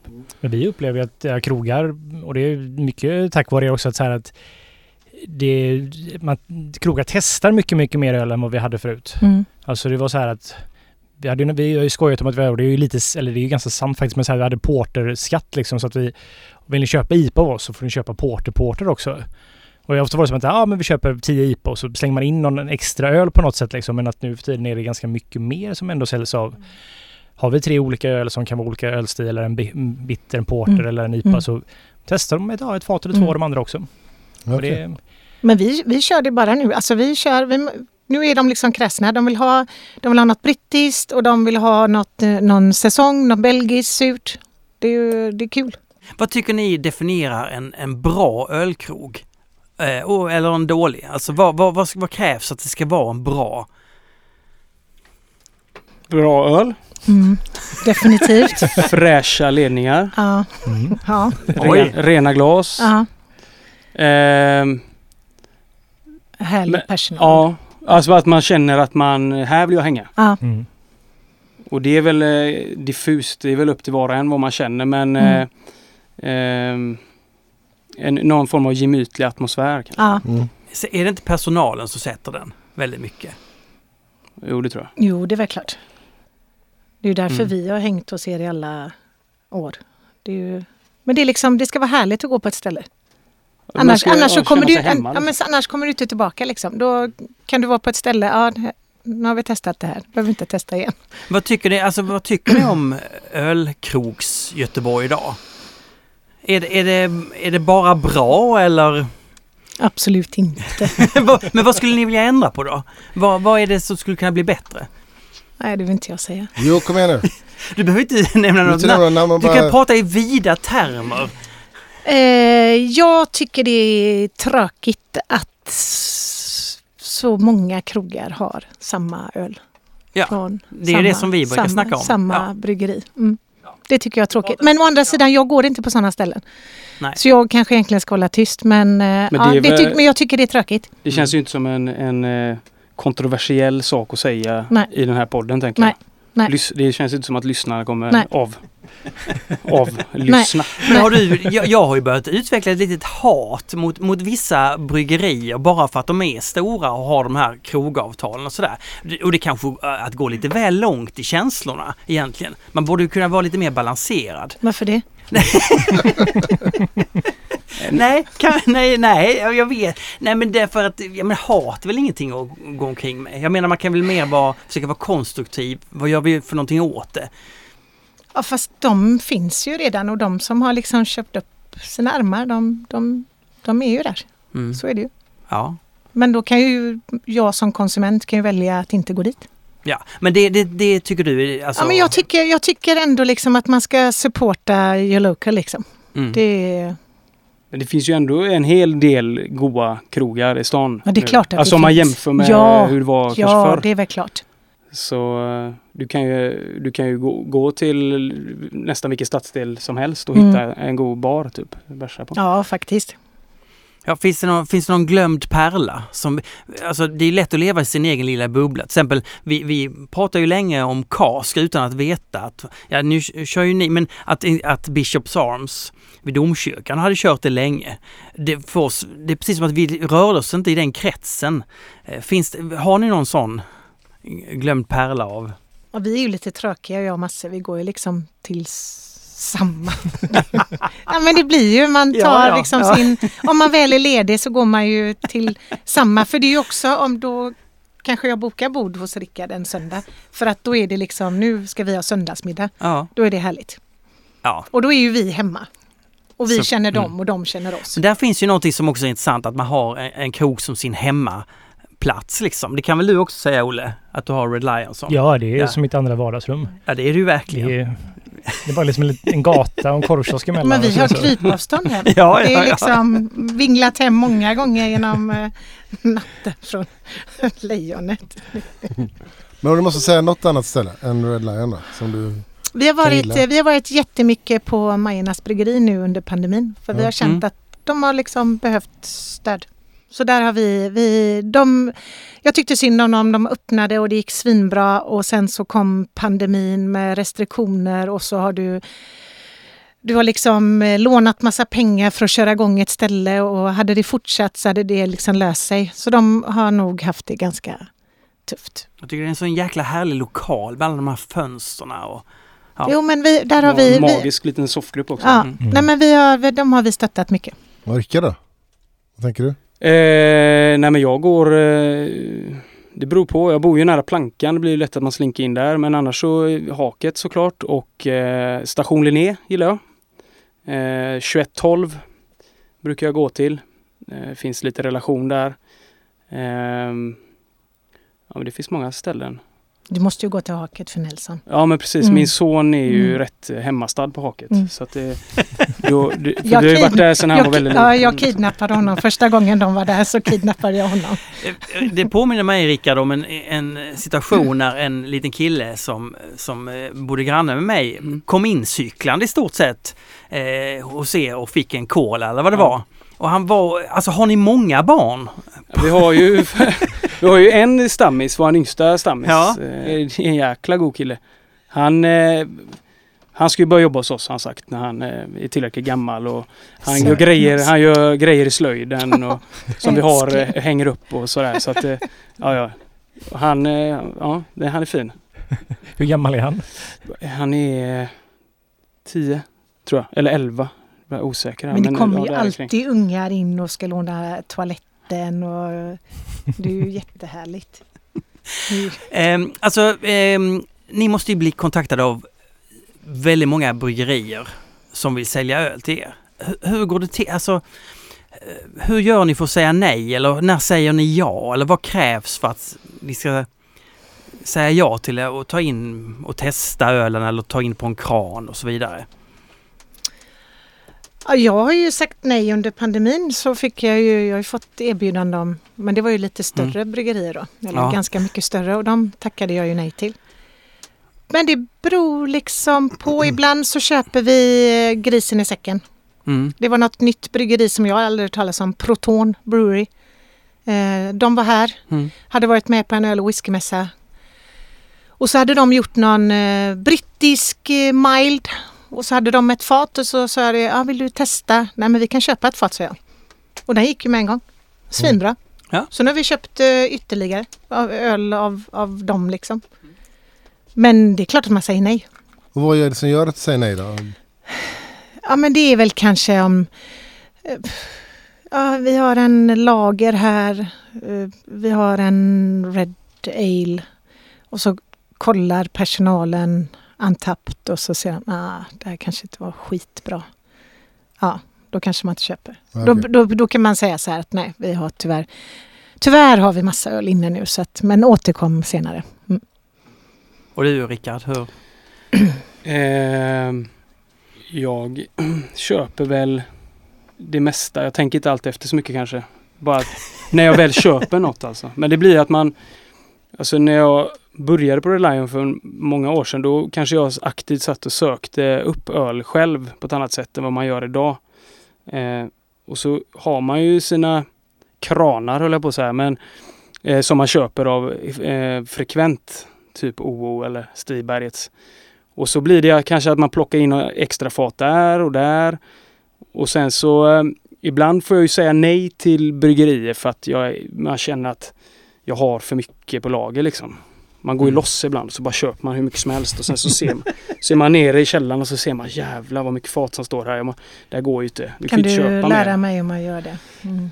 Det- Jag säger Ja, så kan kö- men samtidigt så är det ju tråkigt om en öl behöver stå aslänge i källaren innan det är ju den inte kommer bra på. för bryggerierna heller. Nej. Det är ju ingen... Så, och då, det känns ibland som att att eh, ibland när man får frågan från ett annat bryggeri som man kanske inte köper så ofta av så blir man den här tröka som säger nej för att det råkar hamna i ett läge där man har för mycket. Mm. Men då ibland kanske om, en, om någon har ställt en fråga några gånger till slut känner man nu kan jag inte säga nej mer. Så nu får jag köpa liksom. Men då är det ju roligt om det bryggeriet har något annorlunda. Ja, Att det inte är en IPA eller en pilsner eller det är ju lätt en att man köper sånt som man själv tycker om också. Det, Ja fast det, då skulle jag ju aldrig kunna köpa en IPA. nej. Nej, nej. Men, Men jag tänker det eh, måste vara jättesvårt när man har så många olika leverantörer och har koll på hur mycket man faktiskt kommer få under en vecka liksom.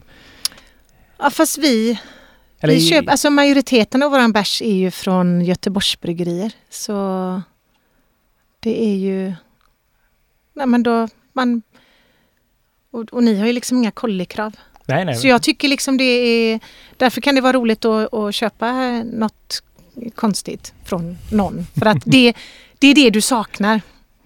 Mm. Just nu saknar du det liksom. Hur funkar det med, med prissättning på öl?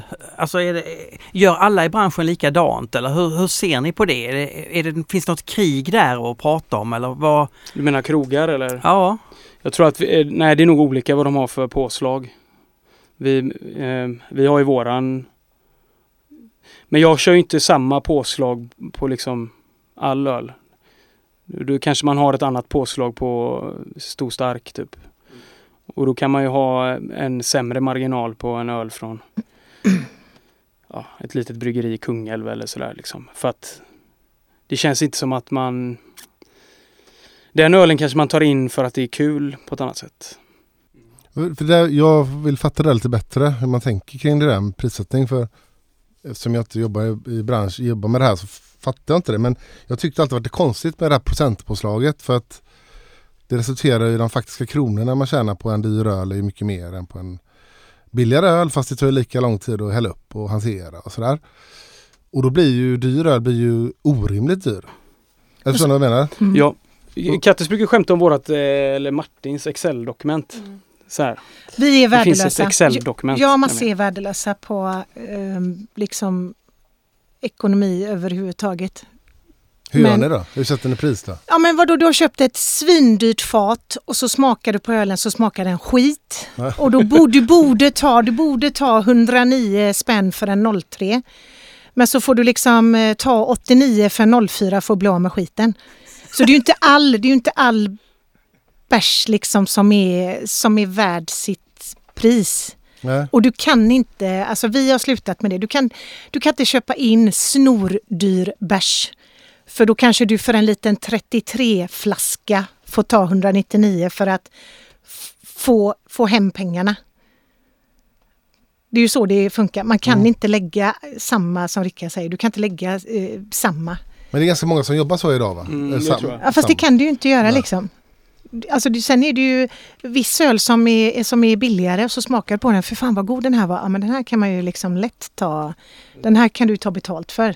Men för jag tänker lite att det här kanske är, nu bara går utanför er värld och hant, ni som kan säljer mycket så här hantverksöl. Men om man tar vanliga krogar som kanske har mycket stor stark. Som börjar ta in något roligare hantverksöl.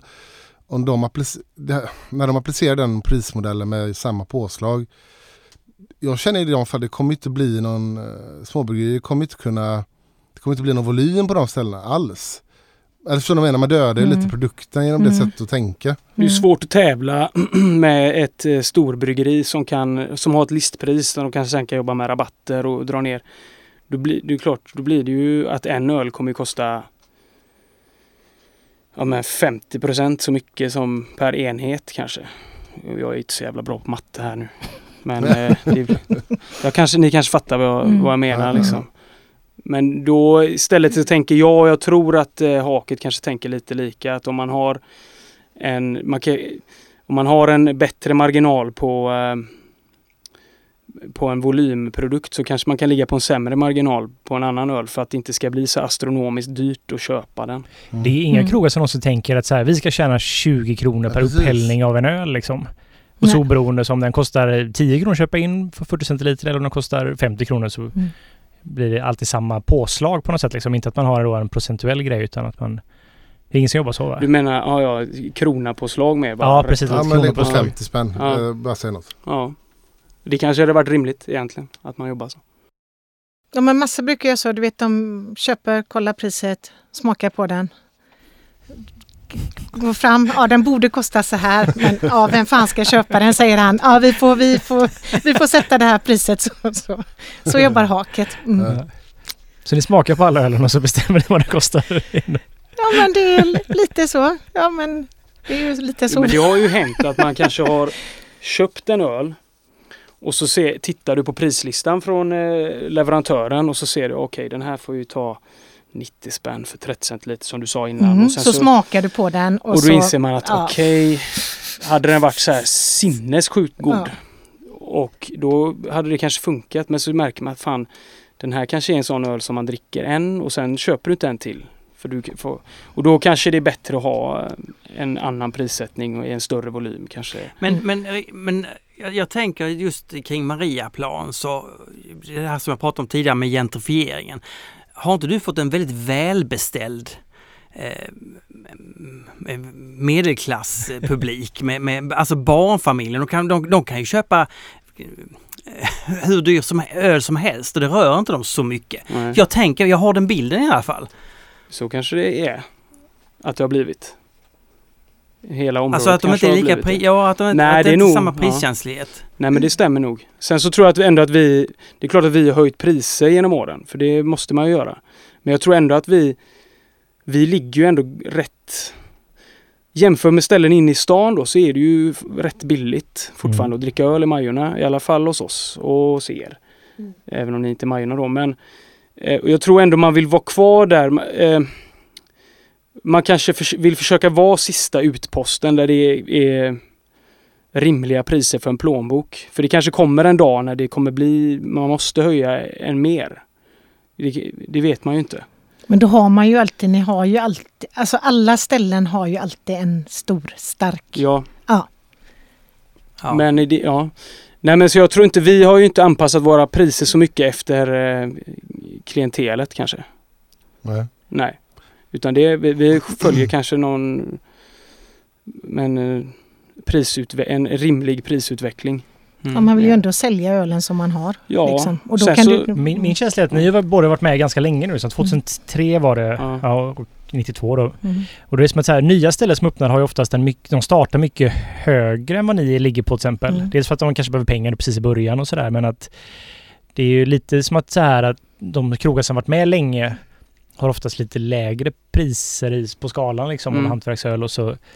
Och det tror jag en, många ställen hade mått lite bra av för då skulle de ha lite buffer också att kunna arbeta med så att de här absolut dyraste ölen får lov att vara dyra men att det finns Mm. en en billigare genre också. Mm. Om det behövs höjas så har man den möjligheten också. Precis. Att man får, ja, eh, det finns väl sm- eh, smärtgränser man kanske inte vill gå över. Nej.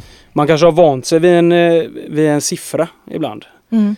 Ibland eh, vi har ju en på, på San Miguel liksom. De har vant sig vid att eh, 10-talet är typ samma hela tiden. Det, det, det drar ju en lite att, att gå över till det nya 10-talet. Mm.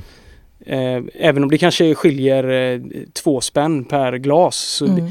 det händer ju någonting på pappret. Liksom. Mm. Jag tänkte, hur många kranar har ni på Red Lion? 19. Hur många har ni på haket? Ungefär. Ja, vi, har, vi har ju våra lindemaskiner, vad fan har vi? Vi har ju en, två, tre, fyra, fem, sex, sju, åtta, nio, tio, elva, tolv, tretton, fjorton, fem, femton och eh, kasken då, 16. För jag tänkte på så här, jag kommer ihåg ja, men Rover när de byggde ut så hade de ju 32 Mm. kranar. Och det var ju för mycket upplevde jag det som. Mm. Att det var så här, där, där kunde det bli som att så här att där samlades den här dyra konstiga ölen ibland. Jag var där nästan minst en gång i veckan och man kunde se så här att det var liksom vissa öl som bara hängde kvar och till slut så kunde det bli som att ett helt sjok av tavlan var bara så här, de där har varit på jättelänge nu för att vissa öl springer iväg, vissa öl stannar kvar länge och speciellt när man har så många kranar. Mm. Men vad tror ni, är det är typ så här 19 kranar, alltså runt 20, 15 till 20? Är det så här en... Jag tror inte vi hade velat ha fler alltså. Nej. Vi har, tidigare år har vi till och med varit inne på att man kanske skulle ha färre kranar. Man kanske skulle gå ner till 15. Eh, för det är ju tråkigt om man behöver till slut stå och hälla ut öl för Mm. att den blir dålig. Men hur tänker ni på upplägget så här, hur ni vill ha? Ni har ju vissa öl som är på fasta kranar, Mm. det gör ni också lite grann sådär men... Vi har två fasta. Är det bara två är det? Mm. Ja. Det är pivot och stora starka. Azalén. Ja. Nej för där är det så här, hur, hur tänker man när man liksom lägger upp så här? Framt, framtida baren, drömmen är vi ska installera 20 kranar men du behöver ju inte ha 20 kranar igång. men just det, det. kan ju vara gött om man har en tap takeover så kan de faktiskt Eftersom hos oss så skäller de ju själva upp sin öl. Då kan de ju stå inne i våran bar Ja, och det. hälla. Men 20 känns, det känns liksom rimligt. Mm. Men att du inte behöver ha liksom igång alla 20. Men hur tänker ni när ni så här, eh, när ni ska koppla på nya öl så här, då tänker ni efter vad ni har på krog eller kran just då liksom? Ja, ja, det brukar man Mm, väl ändå mm. göra. Man försöker kanske ändå ha, det går inte att ha alla ölstilar riktigt kanske på samma gång, men man kanske försöker ha jag menar, säg att du har fem IP på redan och du ska koppla på en, en öl på en sj- sjätte kranöl. Då kanske du väljer en annan typ för att det, det känns som att behovet av just IPA i det här fallet redan finns. Då. Mm. Men nu så har ju vi i alla fall hos oss så tycker nu finns det ju en bitter fast och det finns ju eh, stout och det finns vete. Så nu, nu känns det som att man ändå uppfyller de här behoven och då behöver man kanske inte alltid tänka så mycket. Nej. Men vi vill inte ha fasta kranar utan vi tänker mer så nu när, när man tittar liksom på tavlan. Ja men nu behöver vi något surt. Och så har vi faktiskt dragit ner på IPA. Mm. Du, Men du tänker kanske har en session, du kanske har en pale ale, du kanske har en dubbel-IPA men du har aldrig mer än tre. Som är liksom lite humliga. Men ni tänker aldrig så här att den här kranen har vi porter på och så vilken porter det är kan variera eller sådär? Nej, vi rengör så, så nu- varje Ja. gång vi byter fat så rengör vi våra lindemaskiner. Vi kör i alla fall alltid en suröl på samma kran nu. Men det är smart i. Ja, Mm. har vi börjat med. Så att det är Det uppskattar vi. Det är ju vi har härligt. Haft, vi har haft våra diskussioner om det här. Men, nej men det känns också, för en suröl vill du ju alltid ha på tänker jag. Eh, Mm. Eller vill ju vi i alla fall. Och då har vi en kran. Så när den är slut så då har du också lite koll på eh, när det är dags att köpa en ny suröl kanske. Att eh, fan nu har vi ju ingen här efter denna. Då kanske det är dags att köpa. Just det. Hur mycket spill har man ungefär? Alltså, det är kanske svårt att veta exakt men Dels det här som jag säger, saker vi får hälla ut för att det har blivit kast nu eller vi gör rent, vi häller ut lite när vi kommer på morgonen eller när vi, innan vi öppnar. Eller ungefär på ett fat, hur mycket slänger man liksom? Uppskattningsvis. Är det 10 procent?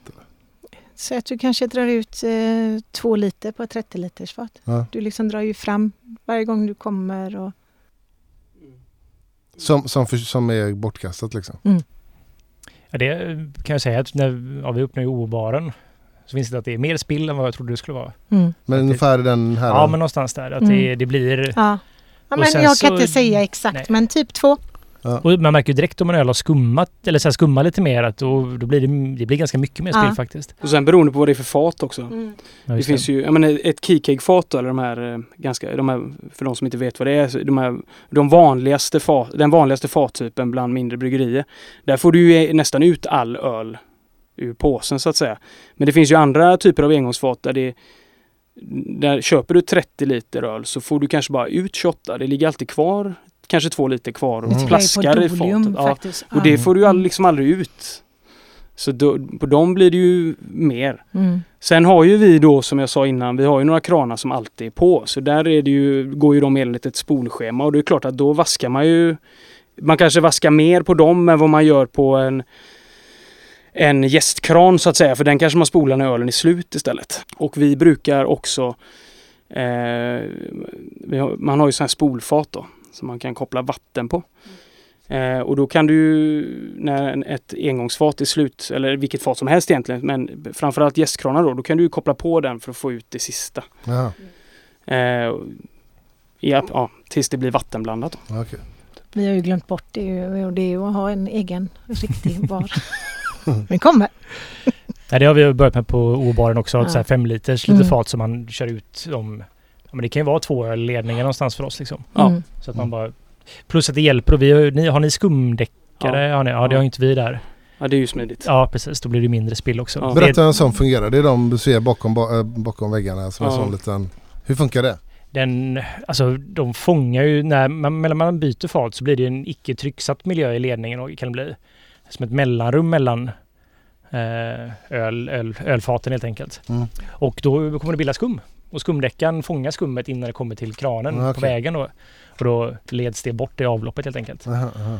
Så att eh, Men får ni skumma av kranarna när ni byter fat liksom? ja, vi kör ju vatten emellan. Ja, Men ja. det blir ju en skumutveckling där Mm. så att man får ju liksom sänka farten och nästan som bygga ett mottryck då. Så där förlorar man ju en bärs i stort sett Mm. för att det bara kom skum och det är ju inte så att man kanske har en lägre kolsyra. Den är inget fel på den egentligen men man kanske inte vill ge den kunden. Liksom. Ja, det. Men eh, för- på tal om det, men det där med spolning och så här, hur ofta gör man det? brukar köra var tredje, var fjärde vecka lite beroende på eh, vad det är för öl. Vissa kranar är hos oss, vi, vi har ju varit öppet ganska länge liksom så att eh, många ledningar är, är ju gamla. Så då kanske det är vissa öl som man har märkt av behöver spolas lite oftare. Det har ju du även hjälpt till med Olle. Mm, jag, Att, eh, jag kommer in och klagar ibland. pinpointa. Men det är bra att man har någon som säger till för att eh, den kanske inte den kanske inte är osäljbar men den kanske inte smakar så som den ska göra och då har vi ett par kranar som vi kör varannan vecka. Ehm, och sådär. Men okej, så Olle kommer in och klagar på det. På, okej. Det gör jag. men, men hur hanterar ni folk som kommer in och har, som, är, som inte har aning vad de pratar om och som ändå har väldigt mycket åsikter? Fattar ni vad jag menar?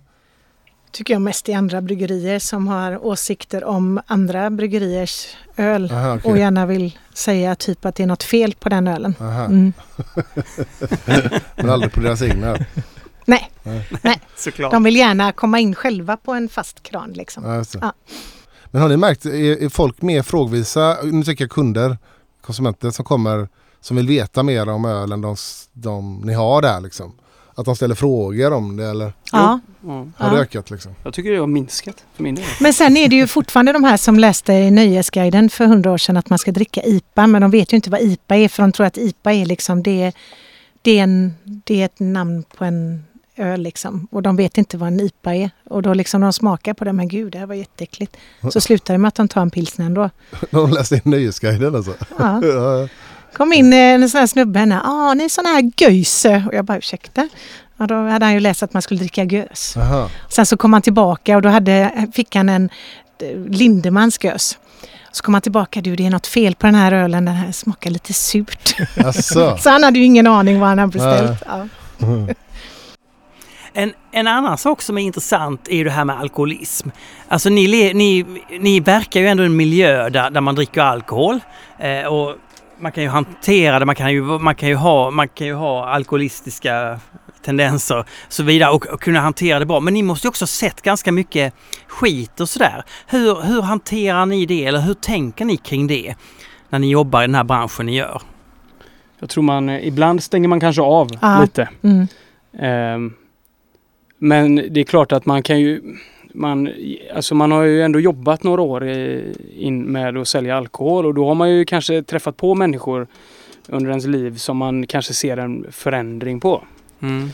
Eh, vad man gör då, det är väl beroende på vad man har för kontakt kanske. Vad man kan, vad man kan med och säga. Då kanske man kan fråga hur det är. Sen så har vi ju också, vi har ju också regler att följa. Man Mm. får ju inte överservera Nej. Nej. och, och sådär. Men eh, jag vet inte, det är... Det är klart, om man hade tänkt efter så klart man sponsrar ju folks missbruk, vissa människors missbruk kanske. Men Mm. eh, det, är, det, är, det är nog många som gör det. Fast sen kanske inte riktigt ni eller vi har de här. De kommer ju inte in de här riktigt goingarna liksom. För det är ju för Nej. dyrt. Ja. Du går ju inte och köper en bärs för 60 spänn. När du kan få en halv liter Falcon för 39 på någon annan Sant. ställe. Ja, det, de, de ser du ju inte på samma sätt.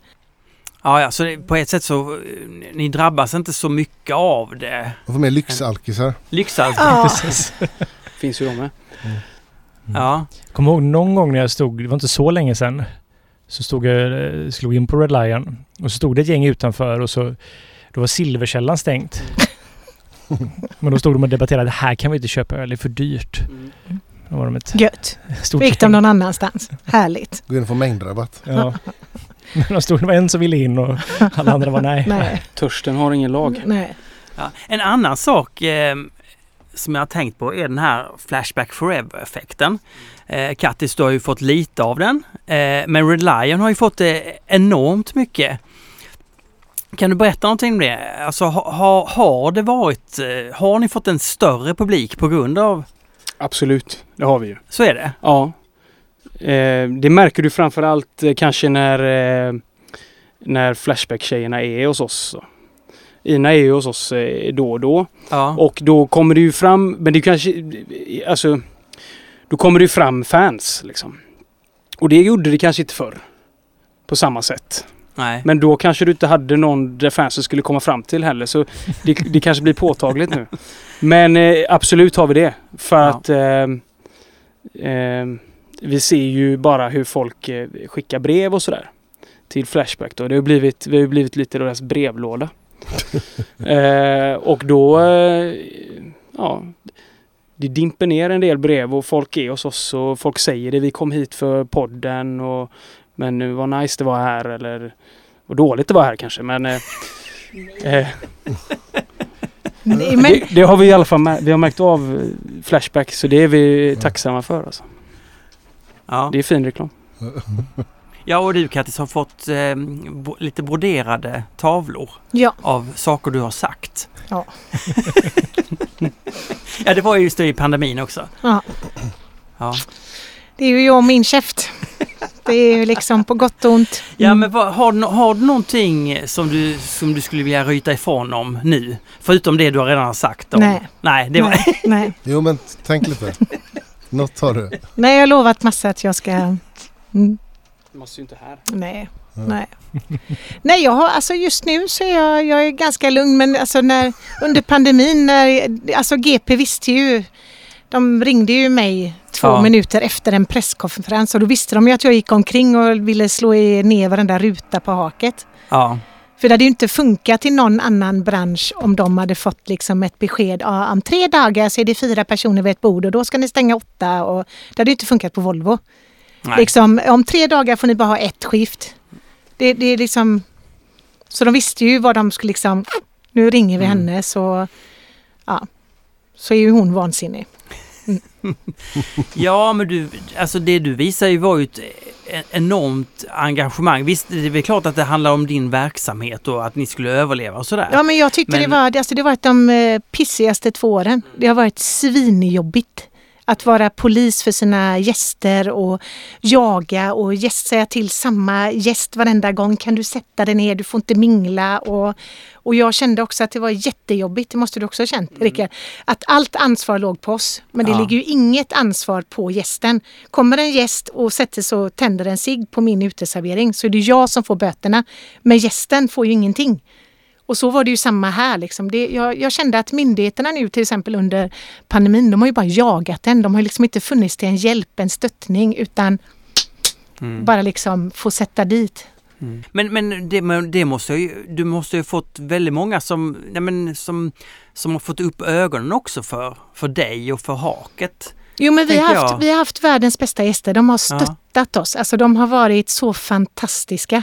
De har verkligen, och, och vi hade två stammisar som drog igång eh, smakprovskorten, kom in och ja, köpte smakprovskort för eh, 68 000 någonting. Alltså det, det, har varit, det, har varit mycket, det har varit mycket känslor under den här pandemin.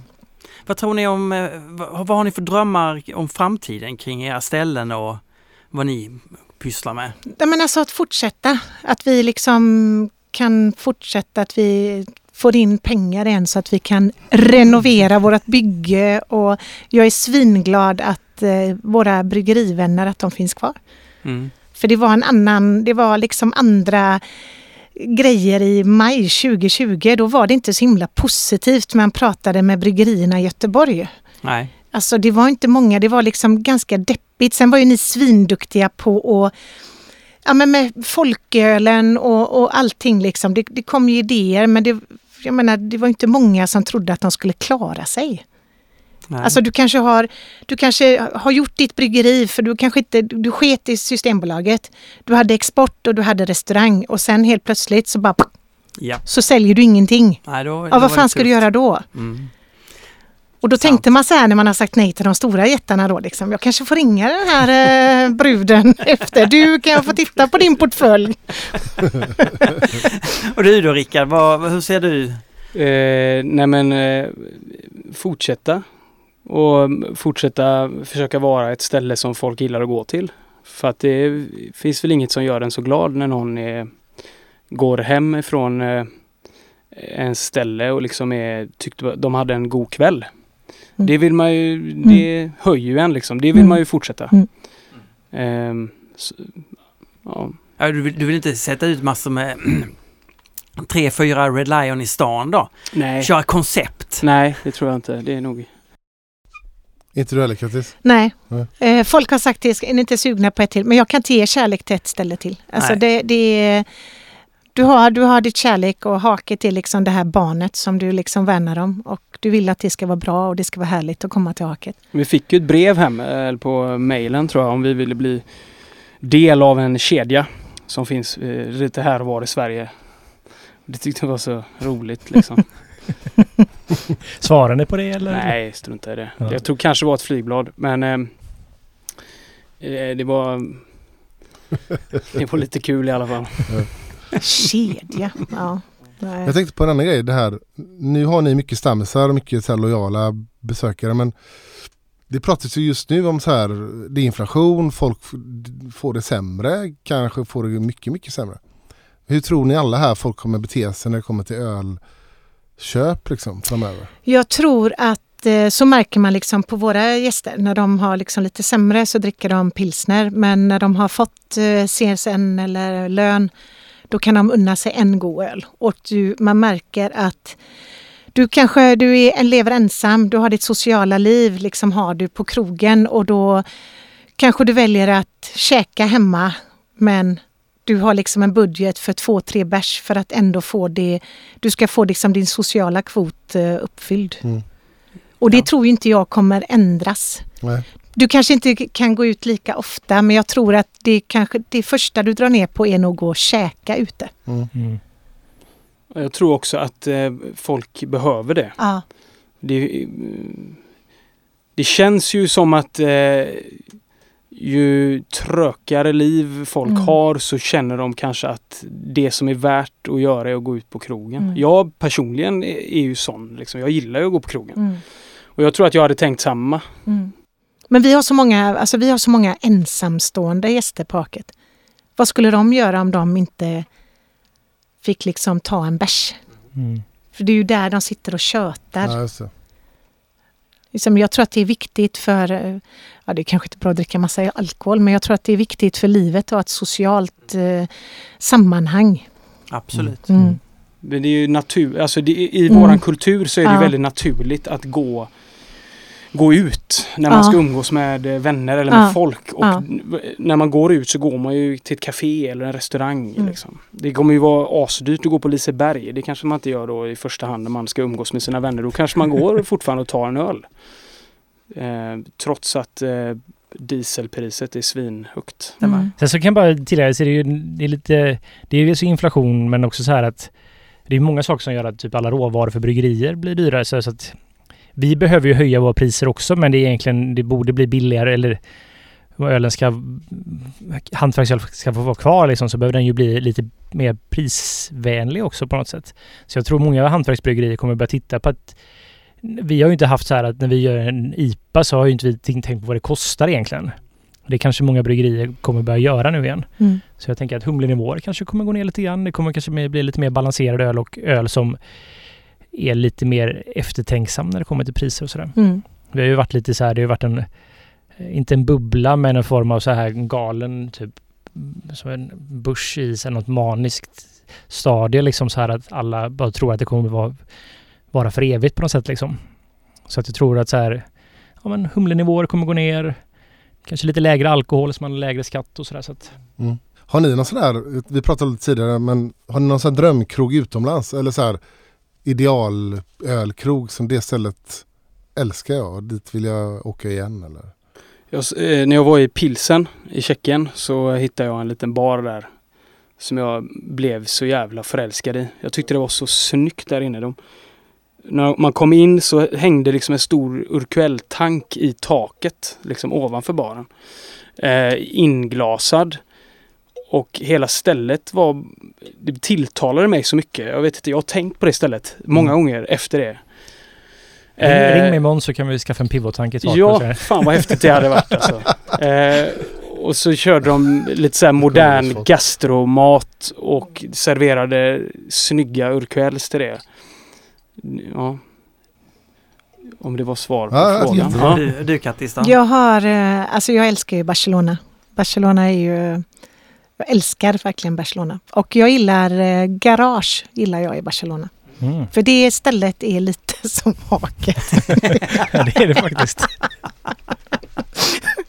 Ja men det var, det var, ja, jag gillar, jag gillar det stället. För det, jag, jag, det här kände jag, första gången jag var där, det, jag sa till Masse, nu känner jag mig hemma liksom. Mm. Avskalat. Tack så mycket för att ni kom hit. Tack. Tack så mycket. Tack så mycket. Tack.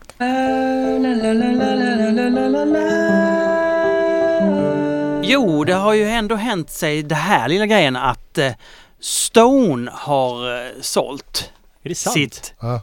bryggeri. Eh, och det är, varför, är- varför är det intressant eh, Fredrik? Det här har jag missat helt. Ja, det var, du har varit inne i så här post bröllop. Jag har också slutat med sociala medier. Ja, ja, men det var, det här kom väl ut för lite mer än en vecka sedan. Där det är helt otroliga nyheter. Eh, därför att Stone har ju varit kanske det bryggeriet som tydligast genom åren tagit starka ställning mot att sälja ut, mot att ägas av liksom externa ägare och framförallt ägas av Big Bear. Precis. De har varit så sjukt anti det så de har ju gjort så här eh, vad nej vad heter han?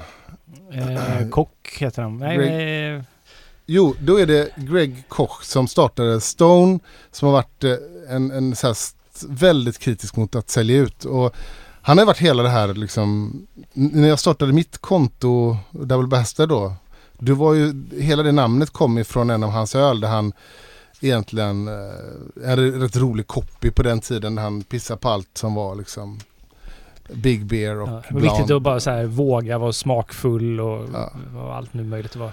Alltså att, och då kom det ut en nyhet nu att, eh, att han har sålt till eh, Asahi.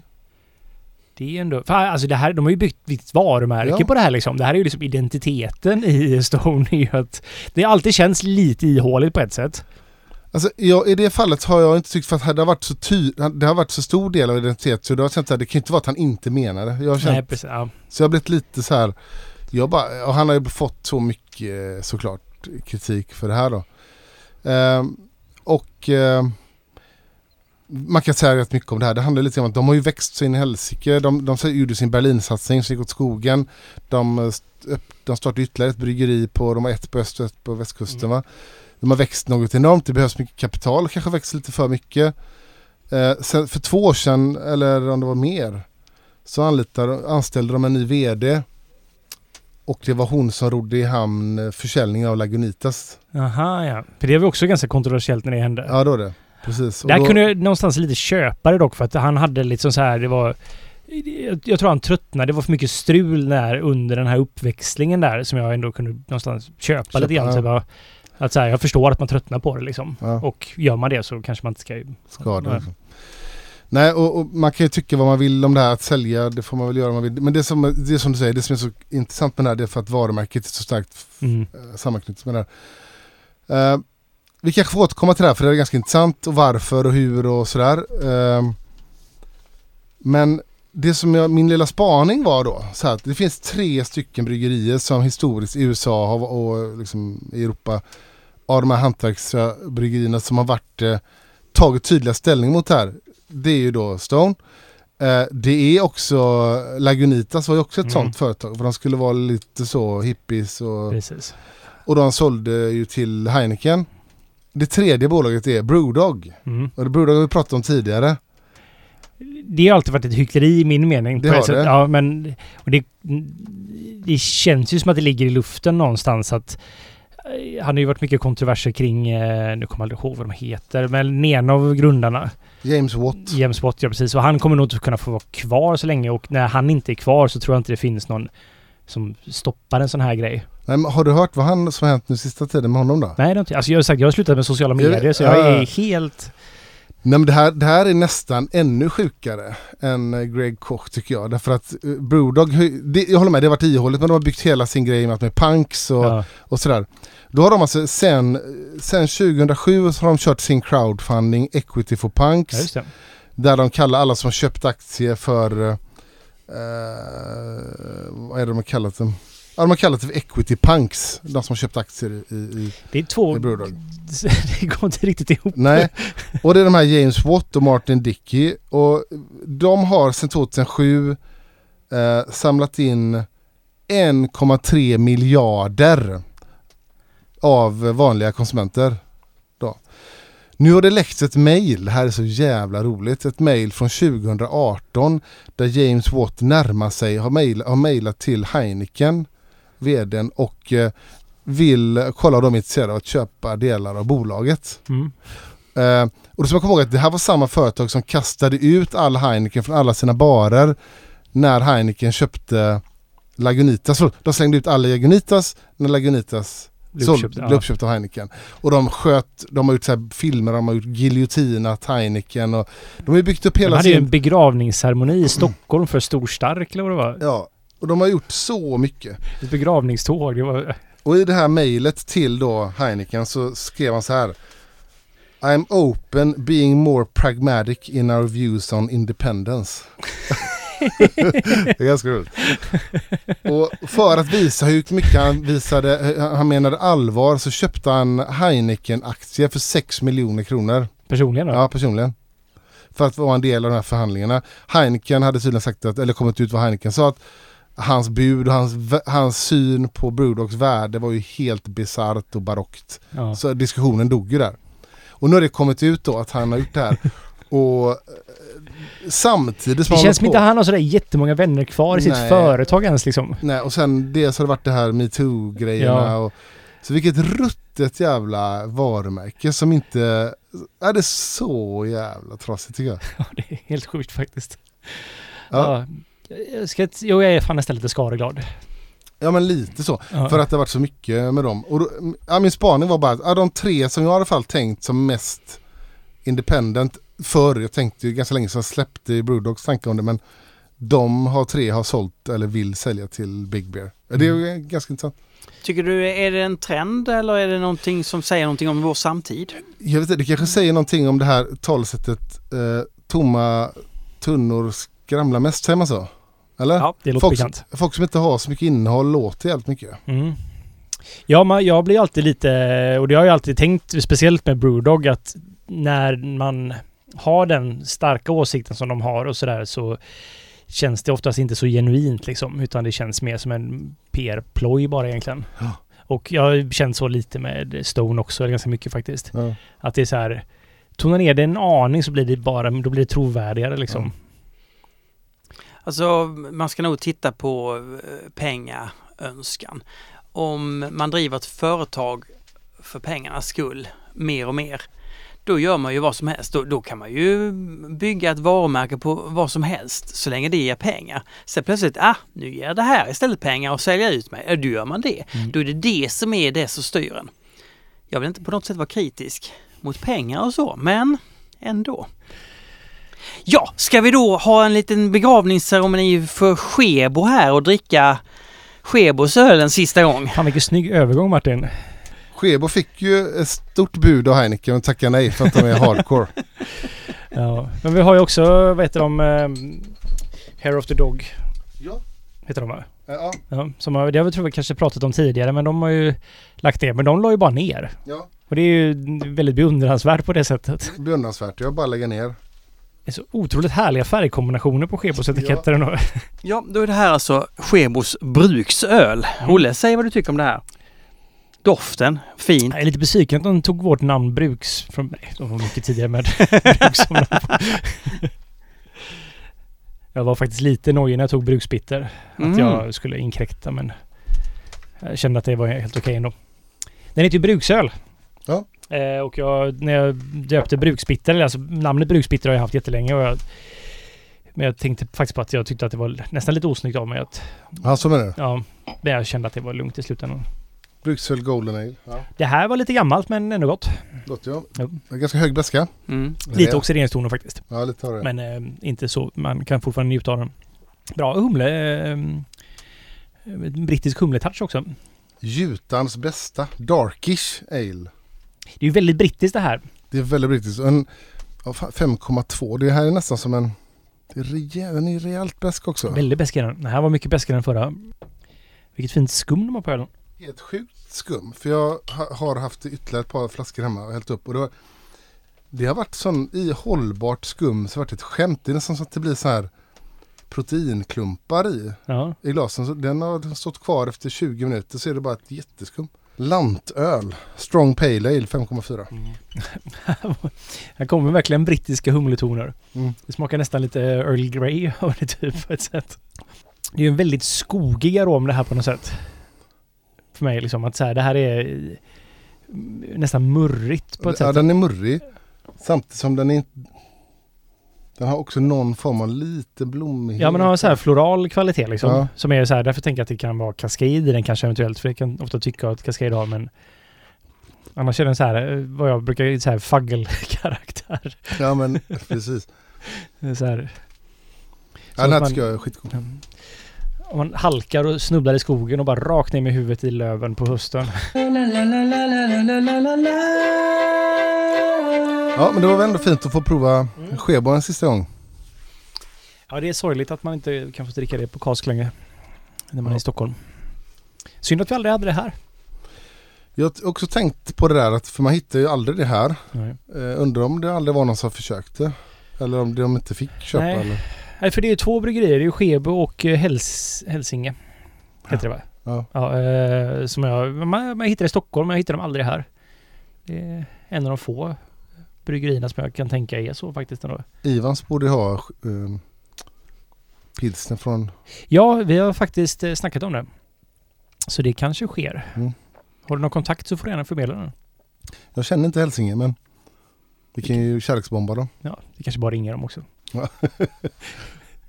finns ju ett och annat eh, litet bryggeri eh, som, är, som är, har små guldkorn.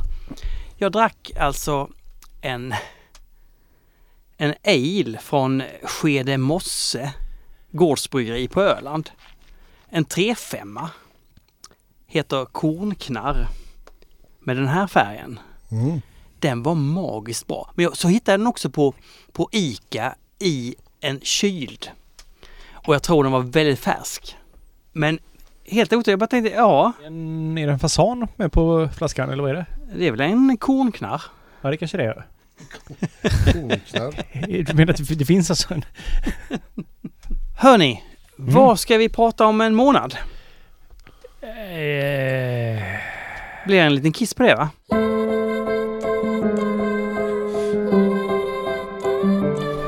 Ja, mm. då eh, så. Vad, vad händer om en månad? Vad ska vi prata om då? Då pratar vi... Jag ska till Gotland ute i helgen. Ja, Eller veckan. Och jag tänkte att då kan jag se om jag kan köpa med mig lite öl därifrån. Eller? Är det öl? Det är öl. Ja. Dricku. Gotlandsdricku. Drick, Gotlandsdricka. Dricku. Mm. Det kan bli trevligt ändå. Om ni får ta allt sånt lokalt så pratar vi med någon som gör det och sådär tänker jag. Mm. låter bra. Ses vi om en månad. Så Yes. ska man gå med i Svenska Ölfrämjandet. Det ska Just man. Man kan Mm. bli patron. Ja. Eller gå in på Patreon och eh, skänka en slant. Gött. Hej!